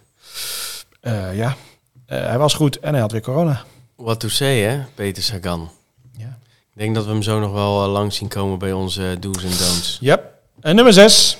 Goh, als hij eh, positief blijft, kan hij denk ik als een van de snelste op een finish afkomen. Maar hij heeft het mentaal volgens mij niet altijd helemaal eh, scherp. Caleb Ewan. Hij was in de, in de eerste etappe in de Giro fantastisch. Zat op het wiel bij, eh bij en, ja. en hij raakte het wiel en daar lag hij. En de hele Giro was, was daarna helemaal niks. Vorig jaar in de Tour natuurlijk Ook. opgevallen? Ja. Ja. Dus ik, ik, ik gun het hem wel, maar eh, ja, eh, vaker eh, gebeurt het ook het niet. zou me niet verbazen als hij een rietje pakt. Kloeger ging niet mee, hè? Nee. Nee, Dus, en eh, zijn normale de de buis ook niet. Dus zijn lead-out is ook wel gemankeerd. Zeer, zeer kleine trein voor Ewan. Ja. Past ook wel bij hem. Eh, nummer vijf. Een, iemand die wel vaker voor de gr- eh, groene trui eh, gaat. Eh, maar dit jaar heeft hij een sprinter eh, die eigenlijk aangewezen is voor de sprints. Eh, Dylan, die staat veel lager trouwens. Eh, maar Michael Matthews Hm. heeft eh, de nummer vijf plek. Ja, ja ik denk, dat- ik ben benieuwd. Ik heb niet gelezen wat zij doen met de verdeling. Maar in principe is het zo simpel volgens mij dat Groenewegen de sprints doet als hij er nog bij zit. Ja. En. Matthews de moeilijkere sprints gaat doen. Ja. Maar dat betekent dus ook per definitie dat Matthews niet voor groen gaat. Nee, Weet ja. je, dat de computer die, en dat snap ik, die denkt van als Matthews elke keer eh, op dit parcours gaat ja. sprinten, dan maakt hij er inderdaad kans op. En dat denk ik ook. Maar hij heeft, sim- hij heeft simpelweg groene wegen bij zich. Ja, moet, moet hij in de het- trein eh, plaatsnemen dan? Of mag hij wel... eh, Volgens mij wel. Volgens mij is Grundal Jansen en dan Matthews en dan Ja. eh Groenewegen. Dus dan Nee. is hij op de la- laatste. Ja. Mesgets zal Ja. lead-out zijn. Oh ja, nou ja, dan zit hij Mesgets heb je ook nog. Ja, hij is wel een Ik weet niet, serieuze dus- trein. Daar, ik had ergens op Twitter ook al een keer zo om. Ik denk, het is even wachten op tot, tot er ergens een keer een interview met Matthews komt. Met van wat, wat nu zijn zijn doel is, zeg maar. Want. eh, Hè, Dat is altijd weer een verrassing. ja, nee, maar want hij kan wel echt. eh, hij was in Zwitserland, was hij echt duidelijk gewoon zichzelf aan het, eh, aan het werken aan zichzelf. Hè, Ja. Waar van die ontsnappingen gaan, klimmen en dat soort zaken. Maar hij, eh, er zijn ook ritten, bijvoorbeeld rit 13, rit 15. Dat zijn, die zijn aangeduid als vlakke ritten door de organisatie. Maar dus, ja, die zijn niet heel vlak. Kijk, als Matthews daar in een kopgroep zit, want ze hebben geen klassementsramman, dus. Matthews kan doen wat hij wil. Ja. Eh, als hij in die kopgroep zit en hij wint toevallig een rit, nou, die kans is heel klein bij Matthews, maar stel dat het gebeurt, eh, dan pakt hij wel meteen veel punten. Slootpunten, ja. Ja, en natuurlijk, hè, dan kan hij eh, vier ritten die Groenewegen kan sprinten, kan hij niet meedoen. Of misschien doet hij dan nog ergens een keer een beetje mee laten bollen naar top 10. Maar hij kan wel elke tussensprint in de etappe, kan hij voor die 20 punten gaan. Ja. Ja. maar het zou toch heel raar zijn als hij tussensprints gaat doen en dan de, lekker de massasprint laat lopen. Ja, maar daarom, maar dat denk ik van ja, maar weet je, de, de, de enige reden dat de pure sprinter die groene trui wint, is als, als die pure sprinter, als er één sprinter is die vier ritten wint, bijvoorbeeld. Net zoals Kevin is vorig jaar. Ja, dat zie ik niet zo heel snel gebeuren. Nee, Eh, maar Cavendish won hem ook alleen maar omdat Van Aert dat niet wilde. Ja, ja, precies. Dus dat is, dat, maar dat is wel even, even de vraag. En Matthews werd vorig jaar tweede. Terwijl die ook, ja, weet je, in de pure massasprint wordt het hem niet. Maar Nee. hij kan wel op meerdere punten ook punten sprokkelen, zeg maar. Ja. Dus Ik zou hem nog niet zomaar afschrijven. En als je kijkt hoeveel ritten er zijn. We hebben die, ik heb net eh, altijd het parcours over die punchy aankomsten. Dat zijn er toch ook al eh, drie, hè? De, rond die, aan het eind van de eerste week. En dan heb je nog een aantal van die etappes die, die, waar misschien een vluchtersgroep een kans maakt. Ja. Als Matthews daarin gaat, dat is ook niet per se eh, zijn zijn gebruikelijke manier van doen. Maar als hij dat doet, ja, Ja, maar ja, als hij kort staat in de groene trui, wordt hij, krijgt hij die ruimte niet. Nee. Hij dichtgereden. nee, dat klopt. Dus dat is even de, ja, ik Ik weet snap dat hij in je team zit, Thomas, maar Ja, ik zou ja, hem er heel snel uithalen. Ik wil, ik wil hem nog niet laten vallen. Eh, nummer vier. Eh, ook een oude krijger. Ook vaak eh, niet voor de topplekken, maar wel voor de plekken daarachter. Alexander Christophe. En Intermarché uh, Gobert. eh, Is goud. ja, Magic, is ja. Fantastisch op dit moment. Gaat onze Noor wel naar Uno X. Ja? Oh, Ja. dat heb ik nog niet gehoord. Ik weet niet of het al helemaal officieel... Ja, mag, mag, Mag niet. niet. heel officieel Wel zijn een, hè, voor eh, 1 eh, augustus, maar eh, semi-officieel is het eh, Uno X volgend jaar. Nice. Eh, dan de, de drie bovenste. Eh, de nummer drie. we hadden het er ook al over als iemand die in eigen land wil gaan eh, presteren en wil gaan eh, huishouden. Mats Pedersen. Ja, Heel goeie.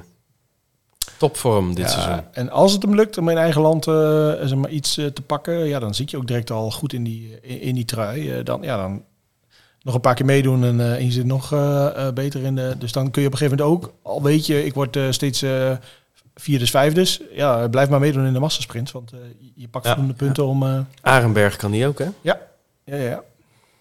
Dus ja, erg leuk. Eh, ja, en dus hebben we twee plekjes over voor de groene trui. Eh, dus ik eh draaide de voorspellingen en dacht, eh, nou, eh, ik had een bakkie voor ene Wout van Aert. En daar denkt de computer anders over. Oh. Wout van Aert, nummer twee. En de nummer één, Jasper Philipsen. Ja, dat is wel verrassend, ja. dat vind ik wel verrassend. Dicht bij elkaar of niet? Eh, ja, eh, heel erg dicht bij elkaar. Allebei 100 punten. Ja, dat is alfabet dus. Nee, het zit in de afronding. Nee, nee. Het is Oh nee, zo van aard. Ja. Eh, eh, nee, en, en de twee mannen erachter, eh, eh, dus Pedersen en Christophe, 95 punten. Dus ook wel een gat naar de, naar de nummer 3 en 4.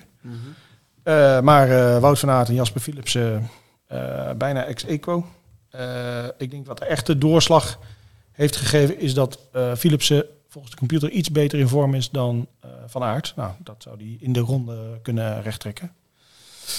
Dus eh, ja, Ja, is wel opmerkelijk. Hoewel, ik, ja, dat, die bericht over Van Aert, dat hij, hij heeft nu iets met zijn knie natuurlijk. ah, dat is toch gewoon om het Belgisch kampioenschap niet te hoeven Ah, ja, dat, dat zei jij, maar Ja. hij, hij, hij doet ook volgens mij, ik, ik weet niet. Ik- dat soort verhalen zijn nooit... Dat Ik ga met eh, Arjan mee. Ik denk dat het gewoon Jij eh, denkt dat het een soort is. van, eh, en eh, hij is kopman. Voorzichtigheid. hij is kopman natuurlijk voor de Tour. Ze willen geen risico lopen. Corona is overal. Hij eh, Nee. denkt, dikke hik, ik eh, verzin iets met mijn knie. Ja, dat begrijp ik. Maar ik zie hem ook niet op Strava in de, in de Strava-ritten met Ja. eh jij zei toch, ja, Ik, eh, ik las een Twitterberichtje dat er een, eh, een upload was geweest van een eh, hardlooprondje. Ja. Dat die er na twee minuten weer af was gehaald. Dus ik Ah, oké, ja.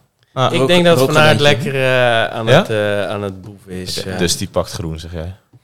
Van Aert pakt ze. Ja, maar dat, eh, ik denk niet dat ik daarmee de loterij eh ga Nee, winnen. nou ja, de computer, die, eh, die zegt Philips, hè? Ja, heel dicht tegen elkaar. Maar ik denk, Philips is het dus ook serieus goed. Maar de, de grap is, Phil- eh, zo, omdat eh, Van der Poel heeft Philipsen. Ja. Maar Philips heeft ook Van der Poel. Ja. Ja. Dus ik denk niet per se dat Philipsen voor groen gaat. Al zou die... eh, ik, je krijgt natuurlijk een beetje de situatie dat een hoop mensen of een hoop sprinters denken... Ja, Van Aert ga ik nooit kloppen, ik zie het wel. Maar in het begin heb je altijd nog wel een paar die denken van... Oké, mocht die uitvallen op de een of andere fiets Ja. dan, dan wil ik er wel eh, enigszins in de buurt staan. Ja. Dus je hebt wel een groepje. Maar ik denk dat het groepje wat de, voor die tussensprints gaat, kleiner is dan ooit. Ja, maar eh, eh, Philipsen zou dat wel kunnen. We hebben ook geen Hij zou het zeker. Eh, kan gewoon mee, net wat we bij Matthews net bes- bespraken. Het levert toch ook nog wat op, die sprints. Er zullen altijd wel wat eh, mannen willen rijden voor Ja, een. Commercieel... of, eh, Ja, ja. Kokkaar doet altijd mee voor die tussensprints. nee, ja, precies. Maar dat is zo'n type die doet het nog wel. Ja. En, en die, die doen het waarschijnlijk nog wel eh, serieus voor het geld ook. Maar ehm, nee, ik, vind, ik, ik vind het niet heel raar van de, van de computer overigens. Al denk ik wel dat Ik denk dat Philips haar al heel blij zou zijn als hij gewoon een keer een rit wint. Die vorig jaar volgens mij ook alleen maar tweede, derde, tweede, derde, derde. is. tweede. 23 keer tweede, dacht ik. Ja, echt bizar. Maar Hey, Ja. eh, klein intermezzootje, want we Ja. gaan eh, naar Daniel zijn, eh, zijn statistieken. Daniel, kan jij dat in vogelvlucht doen? Of heb je daarvoor Thomas Ik doe een nodig? poging. Ik zal beginnen met de open deuren. Dus de, de records die we kennen. Nou, jullie kunnen ze met me meelezen. Of nou ja, bijna wel opzeggen uit jullie hoofd, denk ik. Tourzeges. Eh, er zijn vier renners met eh, vijf tourzeges. Eentje met zeven, maar die is er tussen uitgeschrapt. Eh Hino, Merckx, Anquetil en Indurain hebben vijf keer de Tour gewonnen. En er zijn vijf actieve winnaars. En dat zijn Froome, Pogacar, Nibali, Bernal en Thomas. Ehm, ja, dus eh, recordhouder van, eh, van de meeste etappes. Die kennen we sinds vorig jaar allemaal, ook allemaal uit ons hoofd. Maar Cavendish kwam op gelijke hoogte met Eddy Merckx met zijn 34ste etappezege. En na, eh na Kev heeft eh, Sagan 12 etappes gewonnen, Froome 7. Eh, en daarachter zit wel een interessant groepje. Want Van Aert, Pogacar en Alaphilippe hebben alle drie al zes etappes gewonnen. Dus die konden wel eens gaan, gaan klimmen in die, in die ranking van meeste Tour-etappes onder actieve renners. Nou, dat zijn de winnaars. Als je kijkt naar eh, welke mannen hebben nog vaakst aan de start gestaan van een Tour de France, dan eh, staat eh, Sylvain Chavanel bovenaan. Die heeft eh, 18 keer de Tour gereden. Niet allemaal gefinished, maar eh 16 daarvan finishte die ook. Ook wel echt een cultrenner, ja. Een cult Tour de France Ja. renner, Chavanel. Ja. Zat ook altijd in die ontsnappingen. En Mooi. wat denken jullie, welke actieve renner heeft de meeste Tours eh, gereden? Gilbert? Ja, nee, ik het zou staat, op, denken eh, staat voor zijn twaalfde deelname. Eh Valverde heeft twee keer meer gereden. Die Oh. heeft al, eh, Gaat hij 14 mee dan keer. eh, deze Nee. keer? gaat nu niet mee, maar hij heeft al vier keer, 14 keer gereden. Ja, ja. En Mollema komt ook op 12. En ik zat eens te kijken, die rijdt dus al sinds 2011 elk jaar de Tour de France. Oh, dus ja, eh, ja, ja. als het bij Trek nog een paar jaar doorgaat, dan... eh, Is het trouwens zeker dat hij... Dat gaat hij? Wie? Mollema. ja, volgens mij wel. Jawel. zeker. Onze kerstvers in eh rode-blauwe trui. Individueel kampioen. Tijdrijder Ja. van Nederland. Goeie, goede vorm. Wel mooi hoor. Eh, Hij stond op de, volgens mij Pro Cycling Stad stond hij nog niet genoemd, maar op eh, First Cycling wel. Dus ik, ik ga ervan uit dat hij... eh, Ja, die, hij zou Giro Tour gaan doen, dus dat, eh, Ja. dat denk ik wel. Lekker, eh, lekker eh, aanvallen. Ja, ik denk het ook. Die kan... eh, Tijdrijden misschien. die kan Horse misschien wel voor eh, in zijn rood-wit-blauwe trui. Nou ja, ik, Nee. ik dacht als hij hier, eh, als hij hier die Daan Holen en eh, Tom Dumoulin verslaat... en die tijdrit is misschien ook nog op zijn, eh, op zijn lijf geschreven... dan kan hij wel een mooie klassering eindigen in ieder geval. In die Terwijl we nog een tijdrit. tongerloodje eh, krijgen. ja, we krijgen gewoon bier. hier eh, bier, heerlijk. Ja. Dit is onze nieuwe studio, toch? ja, Ja, het is, het is even rijden, maar dan word je wel verwend. Dus. top man. Ja, gaan we door naar de top 10 resultaten. Ehm, we kennen allemaal de legende van Raymond Poulidor... die acht keer op het podium stond, maar nooit wist te winnen. Ehm, is niet de renner die het vaakste top 10 heeft gereden in de, in de Tour. Dat is eh, eh, Joop Zoetemelk.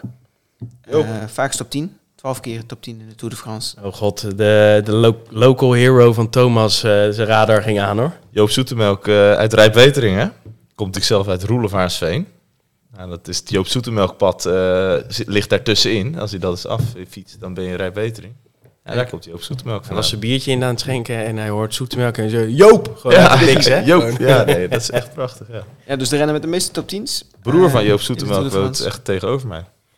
Super, Zo. Thomas. Ja. En die- daar, daar is die handtekening van die je daar op je arm moet Eh, staan. ja, die om mijn bil staat, ja. ja. Ehm, Staat- en Jo- Joop die komt nog een keer langs, want Joop die heeft ook de meeste etappes gereden in de Tour. 403 starts, 401 finishes. Dus dat is echt eh, bizarre aantallen. Ehm, Roland is de actieve renner trouwens met de meeste etappes eh, in de Tour de France.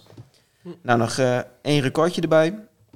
Wie is nou de kelderman van, deze, eh, van de Tour de France? Wie heeft nou de vaakste top 10 in een etappe gereden zonder dat hij een etappe winst? Ja? Kokkaar dan?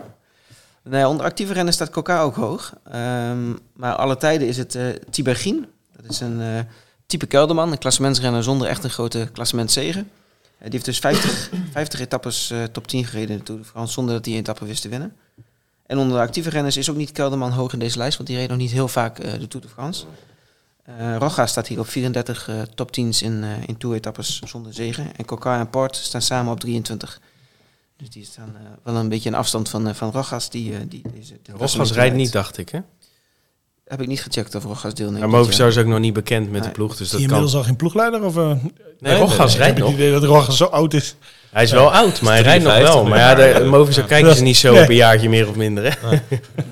En Rogas gaat voor mij, als Valverde gaat, gaat Rogas ook wel Ja, voor mij. Ja, dat zijn eh matties. Ja, ja. Dat zijn matties. Hey, een vraagje voor jullie. Ehm, wie zijn na Valverde en Vroom de actieve renners die het vaakste top 10 reden in de Tour de France? Vroom deed het zeven keer. Of eh, Valverde deed het zeven keer. Vroom zes keer volgens mij. Wie, eh, wie volgen? Louis Mijntjes, denk ik. Nibali, denk ik. Nee, Nee? Mo- Mollema? ook niet. Ze doen allebei mee, deze France. Echt? Ja, Is het Geraint Thomas? ook niet. Nee. Het is eh Romain Bardet met vijf top 10's. Oh, ja. Oh, echt? En eh, Quintana, ook al vijf keer, Oh ja. Oh ja. vijf, keer vijf keer top 10 gereden. Dat stellen jullie toch teleur, jongens. Jullie moeten meer, Ja, meer er lezen. gewoon uit, joh. Ehm, ja, even naar de, jong, naar de voorbereiding op, eh, op eh, een goed klassement. Ehm, in de afgelopen 20 jaar is eh Egan Bernal de enige geweest die eh, een goede Tour de Suisse combineerde met een, eh met Ja, een dat eh, is wel zege in de interessant. Tour. Ja. Dus ehm, de winnaar van de Tour de France, of in ieder geval het podium van de Tour, komt vaker uit de Dauphiné dan uit de, de Ronde van Zwitserland. Voor Bernal was het eh, Lance Armstrong, geloof ik, die in 2001 eh, de Tour won na Zwitserland. En Eddy Merckx deed het ook een keer. Maar het is dus zeer zeldzaam dat eh, de, tour, de, tour, de Ronde van Zwitserland wordt gecombineerd met een eh, Ja. goed klassement in de Tour. Kelvin Dekker die zei in onze vorige podcast ook dat het eh, ook in, van praktische aard is dat je tegenwoordig eh, na de Dauphiné kan je nog een hoogtestage doen. En na Zwitserland in principe niet Nee. meer. Een paar dagen, eh, Ja. een paar dagen later natuurlijk. Dus dat is ook een. eh, da- daarom zie je dat ze in Zwitserland vaak met een nog een vreemdere vorm aan de start eh, gaan, omdat ze gewoon heel anders ingedeeld hebben. Mhm. En in Dauphiné zie je dat ze best wel sterk van hoogte komen Ja. en dan weer op hoogte gaan. Ja. Ehm, maar goed, dat komt ook wel redelijk in lijn met jouw eh, ja, statistiek. dat blijkt uit de statistiek inderdaad dat het wel... invloed Thomas kunnen we vergeten. Ja, eigenlijk eh, op basis van... Nou ja, alleen zijn ploeggenoot Ben- Bernal heeft natuurlijk laten zien dat het wel kan. Eh, en ook... Ja, eh, dus Ineos heeft gewoon de sleutel Ja. voor die formule. Maar goed, Ineos die reed ook eh, drie keer de Dauphiné met, met Froome en won dus de Tour vervolgens. Dus Froome die, reed, die, die deed de dubbel eigenlijk drie keer. Net als Wiggins in 2012. En in 2016 was ook Bardet met twee keer tweede in Zwitserland en, of, en de Dauphiné en, en de Tour. die combinatie wel, wel goed. Maar goed, het is geen garantie voor een goed resultaat. Want Pogacar die deed eh, vorig jaar de Ronde van Slovenië. Die doet dit jaar weer de Ronde van Slovenië. En die won daarmee vorig jaar de Tour. Ja, die maakt de ronde van Slovenië heel groot in de statistieken nu. Ja, dat wordt een, belangrijke koers eh, als, als voorbereiding, maar alleen voor Pogacar waarschijnlijk. Dus eh, nu we het toch over de jonge man hebben. Ehm, jonge winnaars. De jongste etappenwinnaar sinds 1983. Dat is dus niet Tadej Pogacar. Die was iets ouder dan Lance Armstrong in 1993. Eh, bijna 22 jaar. Zes jaar voor zijn eerste klassementsoverwinning eh, van Armstrong. En Pogacar was dus iets ouder. En ook Hirschi, Pinot en Sagan waren nog jonger dan eh, 23 voordat ze hun eerste etappe wonnen. Eh, de oudste is eh Cerami, die heeft een mooie koers naar zich vernoemd. Maar Poulidor is ook een van de oudere etappenwinnaars in de, in de Tour de France.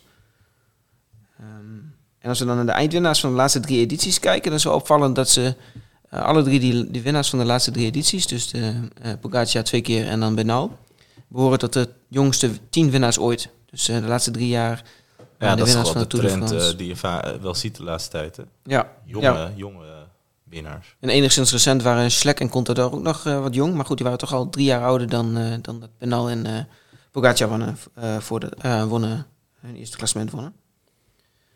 Nou, dan geven we door op uh, Tadej. Hij is een van de 21, ja, of 23 als je de disqualificaties meerekent, renners die meermaals de Tour wisten te winnen. En bij Tourwins is hij een van de negen, of een van de elf, eh, die dat drie keer lukt. Uh, Armstrong en Contador die... Uh, deden het vaker dan twee keer, maar die zijn eruit geschrapt. En hij kan een van de zes of zeven worden die drie keer op rij wint. Armstrong had dus zeven op een rij die alle als zeven weggestreept werden. En verder hadden Merckx, Anquetil en Indurain vier op een rij. Vroom drie op een rij. Um, ja, en eigenlijk sinds de eeuwwisseling wonnen alleen Armstrong en Nibali. Met een grotere marge dan, dan Pogacar vorig jaar. Hij deed het vorig jaar 5 minuten 20 voorsprong.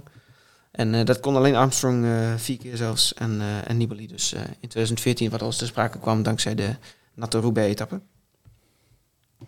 Nou, dan even kijken hoe verhoudt de Tour de France zich nou ten opzichte van de, van de andere twee grote ronden. Um, ja, het blijkt ook in de statistieken dat de Tour wel echt de belangrijkste grote ronde is. Althans, in ieder geval degene waar het meeste, ja, meeste controle is en de min, minste cadeautjes worden gegeven. In de Tour zijn gemiddeld minder, uh, minder ja, verschillende leiders. Dus uh, Dus de leiderstrui, de gele trui, hangt vaak om de schouders van dezelfde renner. Minder wisselingen in, in dat leiderschap. Eh, minder ontsnappingen die het houden tot het eind. Eh, De laatste 12 jaar gemiddeld 4,6 ontsnappingen in de Tour ten opzichte van zo'n 6 in de andere twee grote ronden. En Welke eh, jaar heb je dan genomen? Van 2010 tot en met eh, vorig jaar. Oké, dus de laatste... De laatste el- 12, 13 ja, jaar. Ja. Nee, dat, grappig, want dat gevoel had ik dus ook. Dat, dat, je, eh, nou ja, dat er veel minder controle was in, die, eh, Mhm. in Italië en in de Vuelta, maar dat klopt dus ook. Ja, dat klopt. eh komt wel een beetje terug in de cijfers. En die, die 4,6 van de Tour, wat dus het gemiddeld aantal ontsnappingen is die het haalt, die wordt nog enigszins beïnvloed door de laatste twee jaar. Want de laatste twee jaar zijn er wel wat meer ontsnappingen die, Ja. die het halen in de Tour. Acht volgens mij vorig jaar en die jaar ervoor ook.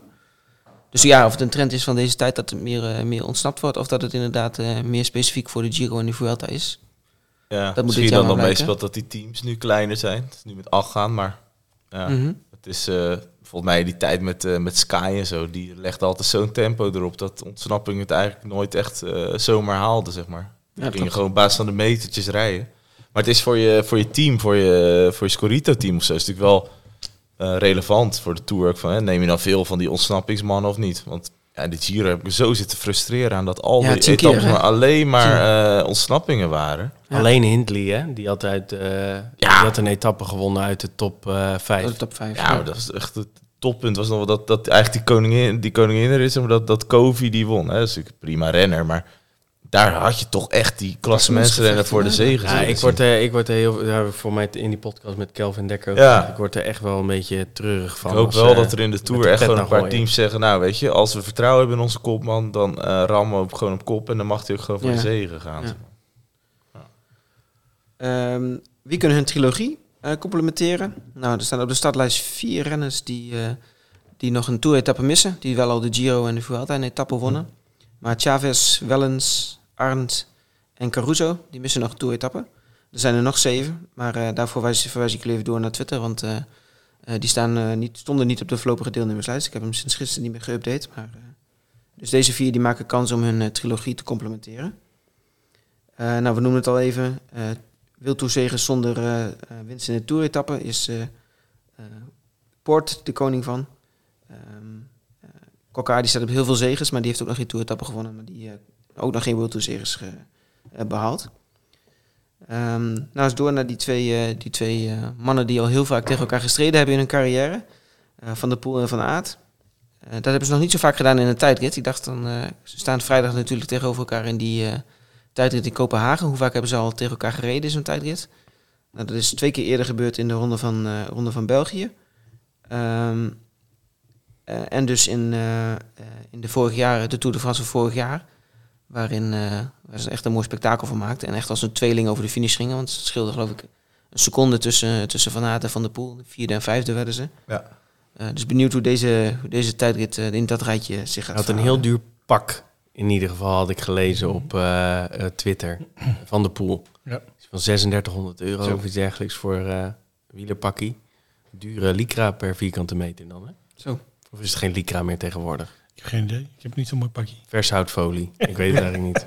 Het zit strak in ieder geval. Ik hoorde wel dat, eh, nee, las dat de UCI had afgekondigd dat dat nog mag in de tijdritten. Zeg maar van die insteekhoezen voor de startnummers. Maar dat ze toch graag willen dat je weer netjes je Speltjes. nummers opspelt. Ja. Ja. Oh, echt innovatie bij de UCI. Ja, ik wou zeggen, nee, het, het is echt bezig. eh, Ja. bandjes op de rug, zeg ik. En nog even door over die, eh, over die twee. Eh, ze hebben allebei een behoorlijk indrukwekkende reeks eh, al neergezet in etappekoersen. Ehm, de, alle etappekoersen waarin Van der Poel dus ehm, op wereldniveau deelnam, won hij een etappe. En in bijna allemaal droeg hij ook de leiderstrui. Alleen in de Tirreno had hij eh, geen leiderstrui aan. Oh ja. En dan denk je van, ja, Van der Poel, lange reeks van winsten in etappekoersen. Van Aert die zal vast wel ergens eh, gefaald hebben. Maar nee hoor, tien etappekoersen op rij. Dat Wout van Aert een etappe wint als hij deelneemt. Sinds de Ronde van Denemarken in 2018. Dus ja, dat is echt, eh, echt al heel lang. En op wereldniveau is eigenlijk alleen de Bing Bang Tour van 2017... waar Van Aert mocht deelnemen. eh, de enige waar hij geen, eh, geen etappe won. Dus eh, ja, het zegt wel genoeg over de klasse van die mannen. En dus deze Tour de France... Dat wordt ook weer strijd om naar Ja. uit te kijken, die twee. Ja, dat zei... Zij ja, halen zei- ook zo het beste bij elkaar naar boven. Mhm. Ja, heerlijk. Dat zei Kelvin ook van, hey, wat er ook gebeurt, we gaan gewoon drie weken lang Van Ja. de Poel tegen Van Aert zien. Dat Precies. is toch, Dat is überhaupt al een reden om elke dag die tv aan te zetten. Ja, waarbij ik wel het idee heb dat Van Aert ook echt wel met een soort van druk een, een trui wil pakken of zo. Hè? Dus de, eh, terwijl eh, volgens mij eh, eh, Mathieu heeft laten zien dat hij in, drie weken in een grote ronde met Gein binnen kan komen. En dan vervolgens weer een, een maximaal aanzetten om weer mee te gaan in ontsnapping. Ja, dan moet je natuurlijk niet vergeten dat hij dat natuurlijk wel kon doen, omdat hij wel succes had gehad, hè? Ja, nee, dus wat, ik denk dat hij wel iets minder frivol had rondgereden als hij niet al roze had gepakt. Nee, eens. Maar die, die vierde etappe met zo'n klimmetje op 10 kilometer voor de streep. nou, Dus ik denk vooral als Van der Poel echt in no Ja. time weer succes haalt, dan, ga- dan, eh, dan gaat hij weer eh, op zijn driewieler over Alpe d'Huez heen. Ja. Maar ja, eh, dat, het eerste, hij zal heel eager zijn om succes te halen. Zo, Ja. zo, zo belangrijk wat Ja. dat betreft voor ook hoe dat gaat lopen. Stel dat Van de Poel of Van Aert daar kan verrassen. Ja, dat zou voor, voor, voor diegene die dat dan haalt, zou dat zo'n boost zijn voor de rest van de Tour. En wat Van de Poel heeft natuurlijk... Vorig jaar pakte hij vrij snel het geel natuurlijk. Nadat hij wel een teleurstelling had in de eerste etappe. Eh, nu in de Giro pakt hij ook meteen het roze. Dus dat, eh, dat, eh, ja, dat zorgt bij hem altijd wel voor een prettige manier van ontspannen, vind ik altijd. Ja. Dat hij echt Gaat hij gewoon... gewoon eh, los, hè? Ja. En eh, Ja, Ja. maar ja, zelfs als je niet de eerste etappe pakt en je, je kunt in de vierde etappe zeg maar de, de gele trui daar overboord gooien. ja, ja, Of zeker. in een van die waaierritten. Ja, hij gaat de eerste week eh, Ja, Kansen oorlog, lekker man.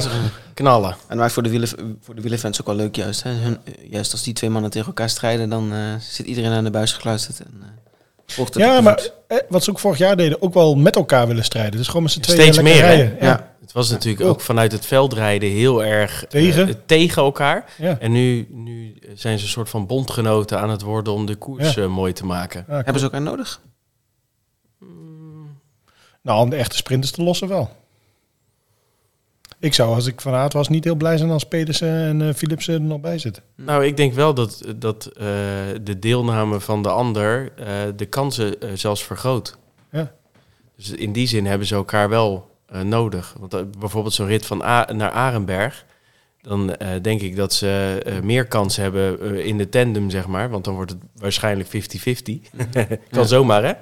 Dat ze gewoon weer samen naar de streep gaan. Ja. En anders dan heb je misschien allemaal mensen in je wiel eh, plakken. Ja, Als en als, je alleen eh, rijdt, ja. En als eh, Philipsen er nog bij zit, dan eh, kan, eh, Kan die voor kan dan eh, kan het ploegenspel gaan spelen. Dus eh, ik denk dat Wout ook gewoon dan belang heeft om eh, kop Ja. over kop te rijden. Met, eh, Ook wel grappig, want Philips is inderdaad ook nog wel interessant voor Arenberg. ja. Goed. Ehm, misschien afsluiten met eh, vooruitkijken naar de tijdrit. Eh, we hebben niet heel vaak de laatste jaren een, eh, een openingstijdrit gehad. Ehm, in eerdere jaren volgens mij wat vaker dat het allemaal begon met een proloog, maar dat is de laatste jaren niet zo vaak geweest. 2017 eigenlijk de laatste keer. Toen won Thomas de tijdrit, maar die viel volgens mij later die tijd. Die, Tour viel die uit. Dus die had niet zo'n goed, goed klassement na een winst in de Was dat toen in, in Duitsland? Dat Düsseldorf, iedereen op zijn ja. plaat ging daar? Ja. Valverde, Valverde brak daar nog van alles en nog wat. ja. Maar ja. Ja, en Froome werd daar zesde en die won uiteindelijk het klassement. Ehm, wat nog wel grappig was toen ik terug zat te zoeken. eh Oran die werd uiteindelijk tweede in die Tour. Maar die verloor in de tijdrit dus bijna net zoveel seconden als in de hele Tour. Dus die, eh, eh, die heeft in die, in die tijdrit eh, de Tour verloren ten opzichte van Froome in ieder geval. Nou, eh, in 2015, eh, die herinneren we ook nog wel, denk ik, in Utrecht. Dat is trouwens ook het record met de snelste tijdrit in de Tour ooit. Dan vraag je of die, gaan, die verbroken gaat worden dit jaar in, eh, in Kopenhagen. Was ik ook bij trouwens, in die, bij die proloog in Utrecht. was ik ook bij. Snik en Ja, snik heet Ja. was het toen. Ja, ja, klopt. Iedereen, dat was echt de hoop van Dumoulin, Dumoulin, Dumoulin, Dumoulin voor geel. Ja, toen werd Rowan Dennis. Ja. Ja, Dat weet ik nog, ja. ik, hoor, Ik weet nog. ik hoor gewoon de teleurstelling tegen. Ja, dat was ook echt dat teleurstellend. was het. Werd eh, die tweede Van- wel, hè? Dumoulin of niet?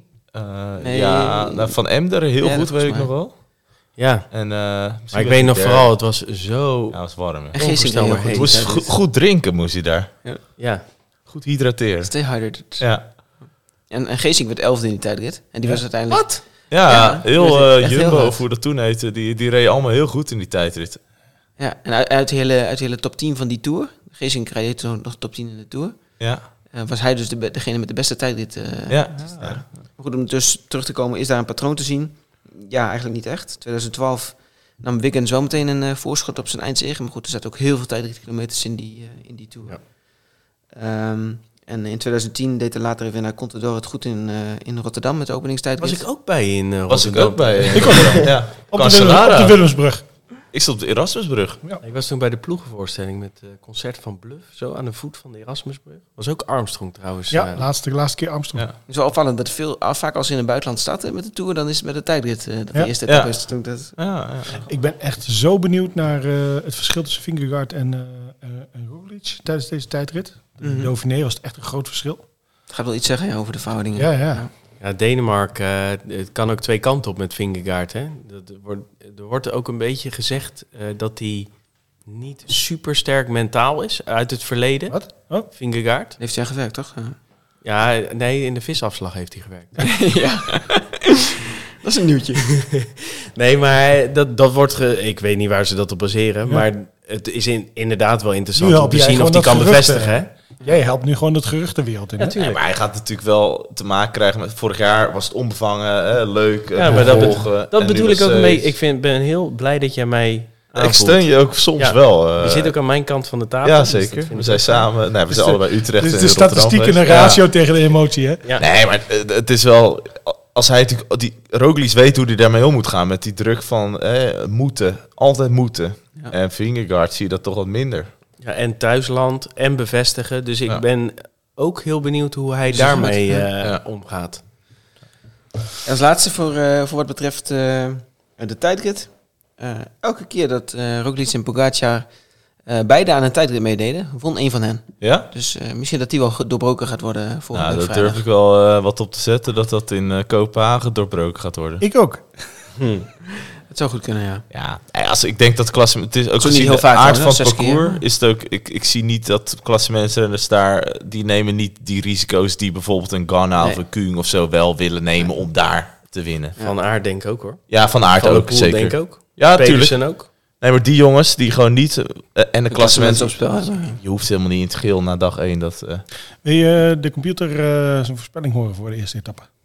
Doe er maar even tussendoor. Ehm 10 Pedersen. 9 Askreen als die rijdt. Pedersen toch al tien, ja? Leuk. Ja. Mathieu van der Poel, 8. Pogacar, 7. Geraint Thomas, 6. Stefan Bissieker, Oh ja. Ja, heb je ook nog, ja. 5. 4. Roglic, 3. Kung, 2. Wout van Aert, 1. Filippo Ganna. Ah, Mooie voorspelling. Ja. Ik zou denk ik zelf ook niet heel anders eh, zeggen van tevoren.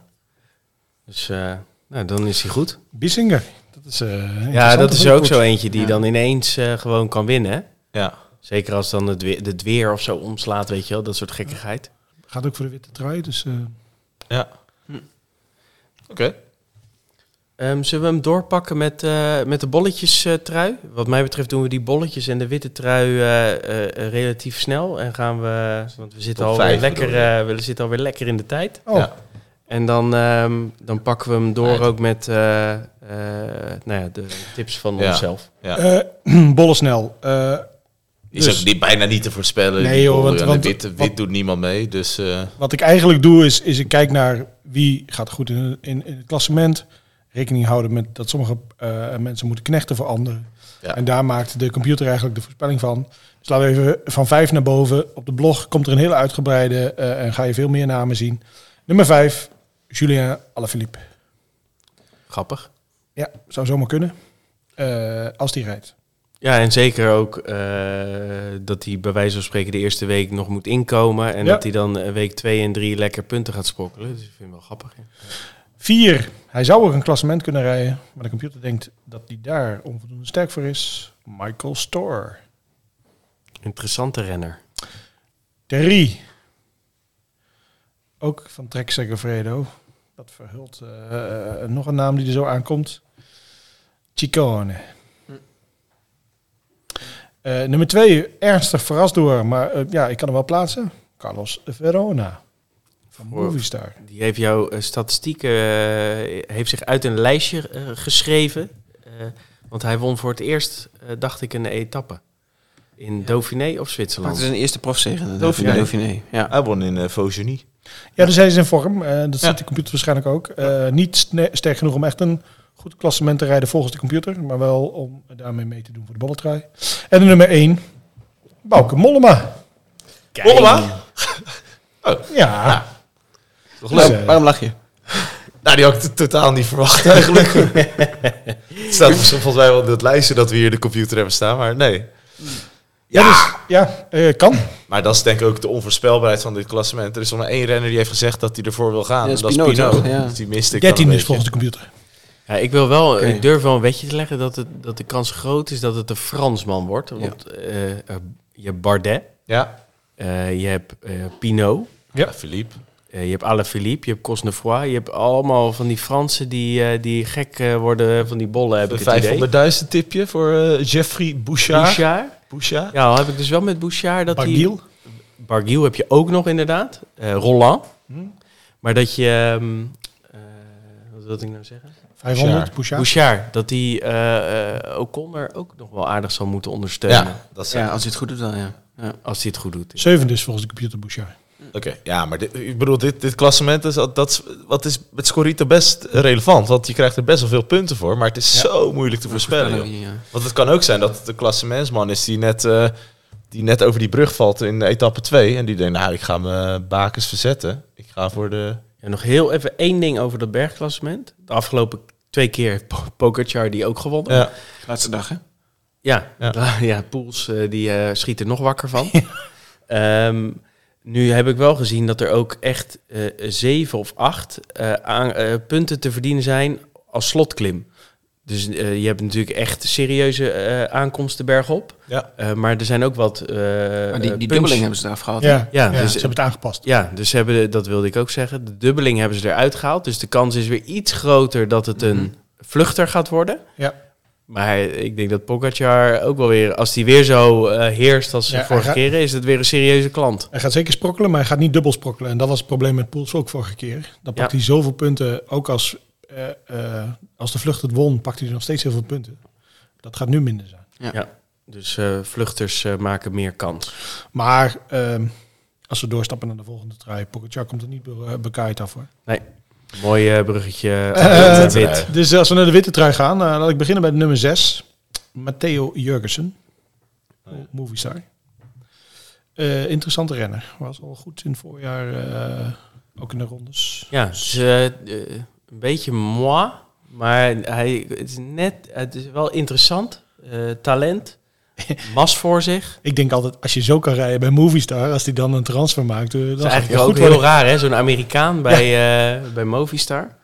Ja, Inderdaad. lekker- ga Voor lekker- 500.000 is het, eh, als, je, als je moet opvullen, is het Ja. wel interessant. Eh, nummer 5, meer een puncher dan een klassementsrenner, denk ik. Mark Hirschi. Interessant ook voor 10 punten. Ja. Wel COVID, hè? Ja. Zwitserland. Ja. Weer even afwachten hoe het team eruit ziet. Uitkomt, ja.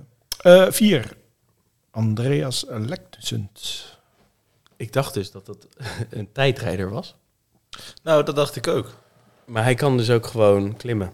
Nou, hij kon vooral die tijdrijden in Zwitserland, viel me op. Ja, Nee, want ik zat eh, dit seizoen te kijken. Best wel tijdrit gereden, maar vaak helemaal niet zo goed. Terwijl bij, de, wel, bij de eh, jeugd altijd, hè? Altijd eh, wel goed. Want ja, heel goed. Ik had het laatst met een collega over dat je, je ziet heel vaak bij die Deense jonge renners dat ze, eh, als ze jong zijn, echt ja. steengoed zijn. Ook Ja. vooral in de tijdrijden inderdaad. Ja. En dan komen er sommigen wel door. Maar tijdrijden dan weer niet altijd. Ja, Bjerk heeft toch ook, eh, die won ook al die WK Ja. tijdreizen. Het is wel grappig, het is een Noor, hè? Lijkt lijkt dus een Noor. Ja. Ik bedoel die Scandinaviërs. Oké. Die Ik dacht wel, ik zat te denken, wat is het? Wat is die gozer nou? Eh, dus de, maar hij heeft wel eh, eh, tijdrijden 74 volgens de computer. Dus hij heeft, hij heeft ook echt wel... eh, normaal zou hij het goed moeten kunnen. Eh, nummer drie, een knecht. Maar nog wel ook voor het jongere klassement. McNulty. Zeer interessant, Thomas. Komen we zo op, dacht ik. Zeker. Bij Ja. jou. Brandon nee, absoluut. Eh, nummer twee, hij werd net ook genoemd voor de bollen. Maar nog steeds kan hij een goed klassement voor de witte trui rijden. Storer. Dus een jonge jongen. Ja, ja hij kan twee kanten. Grillig. Ja, maar de, daarmee interessant voor je poeltje, omdat hij twee kanten op kan. En eh, als hij tegenvalt in het klassement, zou het zo nog kunnen dat hij voor etappes eh, kan gaan of voor de, Ja. voor de bolletrui. Voor de bergen. Ben ik wel benieuwd wie op één staat. eh. Ja, verrassend, verrassend. Pogacar. Maar dit is wel een eh, echt een heel matig deelnemersveld voor de witte trui, als je het mij Ja. vraagt. Daar kan je niet zoveel aan doen natuurlijk. Want het gaat gewoon om hoe oud hij Ja, leeftijd, Maar, ja. ja, ja, ik vind het echt eh, Nee, maar ook, ook als je schandalig. Nee, Maar wie zou, wie zou je hierbij willen? Ja, Ares- precies. Aresman in de toekomst misschien, of volgend jaar? nou ja. Ja, zoiets. was sorry, de Ja, voorzitter van de Aresman eh Ja, fanclub. ja, nee, maar ik, ik had dus ergens gedacht van, hè, dat je ziet steeds meer die trend dat er jongere renners Ja. goed presteren en veel jonge renners ook in top van de klassementen. Ja, en dan, dan zie je dit lijstje van die, dat- ik zat ook op Scorito doen, dan klik je op jongeren, wie, kunnen daar, wie maken daar nou kans, zeg maar. Ja, waren er zo weinig, dat ik dacht, nou, jammer. Ja, maar dat Maar maakt voor mijn wel- idee was Vingegaard bijvoorbeeld ook gewoon een jongere. Ja, dat is ook al maar die 25 Die is dan weer net Weet je wat oud. helemaal grappig is? Volgend jaar, Pogacar mag nog meedoen. Ja, nee, daarom. Vier tours. Nee, dat is niet normaal, hè? Oké. Hey, ehm, vorige keer hebben we natuurlijk ook het Scorito-team eh, eh, behandeld. Eh, Arjan, eh, dit is wel het moment dat jij eh, ja, toch wel een beetje met de, met de billen bloot mag. Ja, Want eh, wij doen nu, eh, wij hebben een poeltje gedaan ook met z'n vieren. En, ehm, ja, en over ik wist helemaal niet dat er een poeltje was, halverwege pas. Ja, dat klopt, dat klopt. Maar de eerste twee plekken in de, in de Giro, ja, eh, ik heb eh, de hele rit zeg maar eh, bovenaan gestaan. En ik dacht ook dat ik niet meer achterhaald kon worden. En ik maak mijn Scorito-app open. Nou ja, ik kreeg eerst een appje en daarna maakte ik mijn Scorito-app open. En wie is mij op vijf punten of zoiets Ja, voorbij gegaan? Ja. Of twee punten, of in ieder geval heel weinig. Omdat ik weer stom een of andere zekere punten niet had opgesteld. Zwetmas. Zwetmas, Ja, ja, ja. verschrikkelijk. Edward Teuns, volgens mij. Die had ik erin gezet. Kreeg net wat punten voor die... eh, eh, die kreeg punten voor de, eh, de jongere trui van... gewoon Pedro Lopez, volgens Oh, mij. Ja, ik vind vooral als je En zo, daar- daar als had je je zo over moet winnen. eh, ik zou niet eens zo weer. Ik, ik, had de, ik had de keuze, hè? Maar Ik denk, ook als meer geluk dan dat wijsheid. wil ik gewoon niet eens. Ik hoor het al aan je. Maar, Maar je goed, wil daar wil ik zeggen... het niet eh, over hebben. Nee, precies. Maar Zwet was als eerste. Ja, Tornado, Tom was ja. tweede. Station Cycling was derde. Ja. En de computer, ja, daar hebben we, op Twitter hebben ze ons ook, ik kreeg het vragen van, eh, en hoe, hoe heeft de computer Ja. gedaan? Durfde gewoon niet te antwoorden. Missing in action, hè, de laatste etappe. Durf je nog een keer, eh, Arjan? Of, eh, Tuurlijk. Nee, dat gaan we gewoon nog een keer doen. goed zo. Nee, ehm, maar jij was ook een, jij was de laatste etappe vergeten, dus je miste sowieso een Dat moet je, slootpunt. moet je niet zeggen. Ik was gewoon terecht derde. Eh, maar die, daar komen we nog op, want eh, Ja, ja, ja. met zo'n incomplete deelnemerslijst is het heel lastig nu om, om samen te stellen. Dus hou Ja. de blog in de gaten. Komende week krijg je van ons het Scorito-team. Kun je, kun je wel of niet iets mee, is in ieder geval leuk. Ja. Ehm, wat we nu gaan doen is afsluiten met onze eigen tips. Ja. Laten we de emotie eh, weer spreken. Ehm, en Arjan, zou jij je must-haves, je don't-haves en je one-haves kunnen delen? Zeker. Eh, de must-haves eh, voor eigen land. Mats Pedersen. Ik heb hem net genoemd als de winnaar van de eerste tijdrit. En volgens mij ook knijtergoed in vorm. Italiaans kampioen. Filippo Ganna. En drie. ehm, ik denk zelfs dat hij beter gaat presteren dan Roglic, Jonas Vingegaard. Dat zijn mijn must, eh, dat zijn mijn.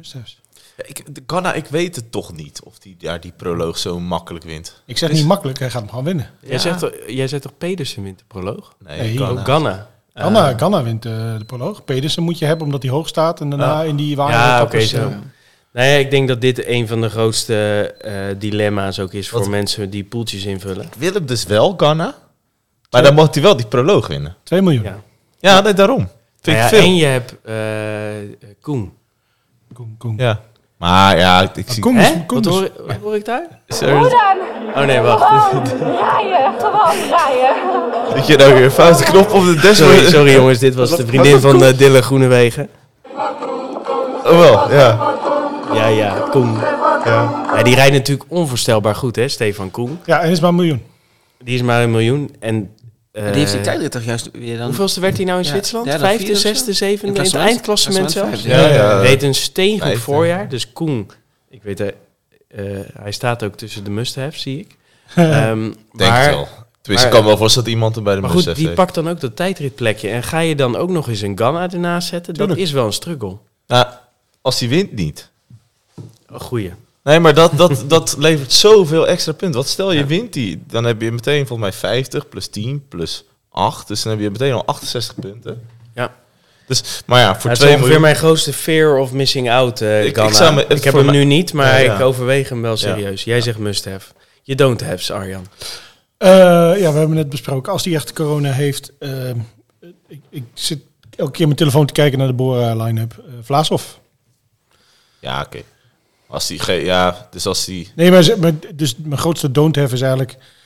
Ik probeer mezelf ervan overtuigen om die 4,5 miljoen niet aan Vlaashoff uit te geven. Want hij staat Ah, nu wel in mijn team. Drie, Eh, drieënhalf is die voor. 3,5? Ja, 3,5.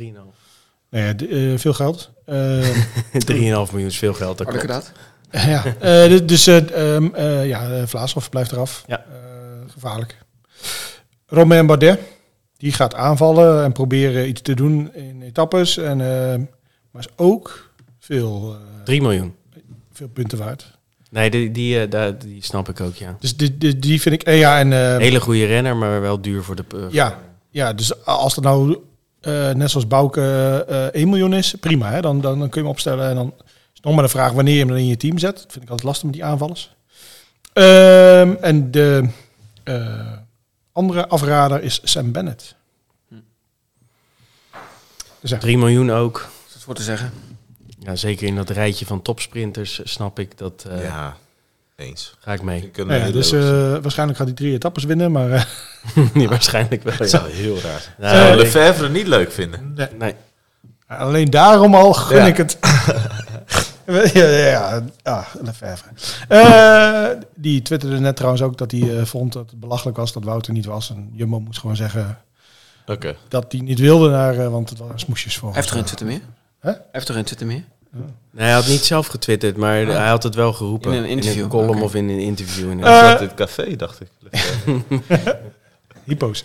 Eh, de one-haves. Eh, eh, ik twijfel omdat ik nooit zo goed weet wanneer je ze op moet stellen. Maar bij Bouke denk ik wel met zijn tijdrit, zeker nu hij ook Nederlands kampioen is, dat hij wel in het team komt. En dat hij dus ook bij de tijdritten mooie punten kan pakken. En dus ook in wat overgangsetappes. ik hoop het. Dus een one-haves eh, is Mollema. Ja, Geraint Thomas, daar zit ik echt over te twijfelen. Ja. De kopman van Ineos, wie is dat nou? Eh Yates, zonder... ehm, ja, eh, zonder corona, perikelen, misschien wel Yates. Ik, ik, ik, toch, Geraint Thomas gaat er waarschijnlijk bij mij in. En Wout van Aert, ja, stel, het zijn nu wel zijn knieën die eh, ellende opleveren. Het is heel veel eh, euro's die erin stopt, hè? Ik zou hem niet nemen als ik jou was. Ik zou hem ook in... eh, Nou, thuis. Alsjeblieft. Ja, maar datzelfde met Pogacar, hè? Nee, ja, kijk, Ja. als je een gokje wil wagen, Ja. dan moet je Van Aert en Pogacar en Roglic en Vingegaard niet meenemen. Nee, je moet wel een paar op, op, opstellen. Maar ja, nou ja, Van Aert, eh 5 miljoen. Ja, vijf en een half. Ja, veel. Maar ja, Als Kan hij bij op- een- als, als ja. hij op zijn fiets blijft zitten, dan eh, gaat hij zijn hij punt kan wel op waard zijn, toch? zoveel manieren Ja, ik punten twijfel halen. nog Ik wil bij deze zeggen eh, aan alle luisteraars, ik zou, het, eh, ja, ik zou hem niet meenemen. Dit, dit is mijn gevoel, hè. Ik moest hier gevoel Oh ja, De sorry. computer zegt dat je mee moet nemen. Dat kunnen we niet op voordelen. Dit is een competitievervalsing, eh, Tom. Tornado Tom die eh, hoopt dat hij wat hoger komt. Daniel, must-haves. Ja, ehm Vingegaard. Ik wilde daar geen eh Roglic of Pogacar invullen. Ik dacht, die neem ik eh, sowieso mee. Maar ik denk dat ik Vingegaard ook meeneem. Je weet natuurlijk nooit wie pech krijgt en wie, eh, wie van pech vrijwaard blijft. Maar eh, als het allemaal goed gaat, dan moet je hem wel Ik hebben. denk dat hij in de Dauphiné zich in een hoop ploegjes heeft gefietst. Dat is indrukwekkend, ja. En daarnaast heb ik ook O'Connor erbij gezet. Ja, eens. Thomas twijfelde nog wat. Of, wie, wie, wie van jullie zei het net? Met zijn, eh, met zijn vorm, Tom? Of, eh, of die misschien te vroeg Nee, nee, ik zei het. Was jij dat? Arjan. Oké. 2 Maar, eh, miljoen. ik, twijfelde, ik twijfelde niet aan. Ik denk dat O'Connor eh, gewoon weer top 5 gaat rijden als vorig jaar. 2 miljoen is doen. Ja. en als derde heb ik een sprinter gekozen. En ehm, ja, omdat hij de groene trui gaat winnen, Philipsen. Ja. Keurig. Dus, eh, dat is ook inderdaad omdat hij gewoon in de, in de Ronde van België liet hij ook zien dat hij eh, heel goed over de heuveltjes kwam. Dus ik denk dat hij iets meer etappes mee kan doen dan, eh, dan dat de pure sprinters kunnen. Eens. Dus eh, daarom neem ik hem zeker mee. Wie ik dan daarentegen niet meeneem, dat is Adam Yates. Eh, ik denk dat ehm, Thomas toch de man voor, eh voor Ineos gaat worden. En dat Yates eh, weer ergens tegenvalt, of meteen al tegenvalt, of gewoon moet knechten. Eh, ik had ook Bennett erop staan, maar eh, ik had en Ewan erbij staan. Want bij Ewan weet je het ook niet. En ik, dat risico ga ik denk ik niet nemen. Dus ik ga Ewan eh, waarschijnlijk thuis laten. en Lutsenko. Die wordt eh, hier en daar wel gehyped als eh, echt zijn doel gemaakt te hebben van, het, Ja. eh, van een GC. En, Ja, dat was vooral in de winter. Maar hij, hij- ja, hij nu- slecht, joh. Dit. Heel Astana, dat fietst tegen de wind in volgens mij. Of, eh, Astana is echt bagger. Maar hij was vorig jaar zesde of zevende. ja, Zevende, werd hij, ja. Dit, deze winter geroepen. eh, Ik toen, wil hij aan de het, Tour, toen hij aan eh, het wintersporten was, zei hij van ik wil podium rijden in de Tour. En, eh, maar be- begin dit jaar eh, eh, COVID gehad. Echt helemaal geen deuk in een pakje boot gereden. En nu leek hij weer eh, enigszins in vorm te zijn. Toen ging hij hard op zijn kokosnoot. In de Dauphiné of in de Zwitserland. En Zwitserland, Zwitserland, ja. ja. En eh reed Ja, ook, als, eh, daarvoor, ook daarvoor vond ik hem Nee, niet super of en toen reed hij als Eh, Tutankhamon eh in de ronde in de ontsnapping. Ik denk, nou, Maar wat je zegt, toch zevende vorig jaar. Dus eh, maar een miljoentje. Ja. Ja. je zou het nog kunnen proberen, maar eh, ik zeg het niet doen. ik snap hem. eh, Ik snap hem. Als ome, ome Vino nog een, een, een kuurtje heeft, dan eh, zou het nog kunnen. Ja, misschien dat hij daarom zoveel verband om zijn, Ja, precies, ja. om zijn benen heeft zitten. ja. En wie ik dan wel graag in mijn team wil als klassementsrenner, dat zou eh, eh, Caruso zijn. anderhalf miljoen. Ja, en Mr. Steady. Dus Ja. eh, die, die zit er altijd bij. Het eh Ja. in de, in de Giro vorig jaar. Dus eh, ik denk dat hij wel eens eh, van, de, ja, van dat team in ieder geval de beste renner is voor het klassement. En eh, dus ook in mijn poeltje meegaat. Eh, van de pool, ja, dat zit nog een beetje op de wip. Hij is gewoon duur. Echt? Ja. 3,5. De grootste chauvinist van ons, Ja, van ja. ons midden zegt je verwacht het niet. Je verwacht het niet. Nee. Hij is wel, ik snap wel wat Daniel zegt, want hij is wel duur. En, eh, Als hij één of twee etappen... Ja, je weet niet hoe vaak die, hoe vaak die echt van voren ja, komt. Hè? maar die ga je zoveel spijt van krijgen als hij deze niet neemt.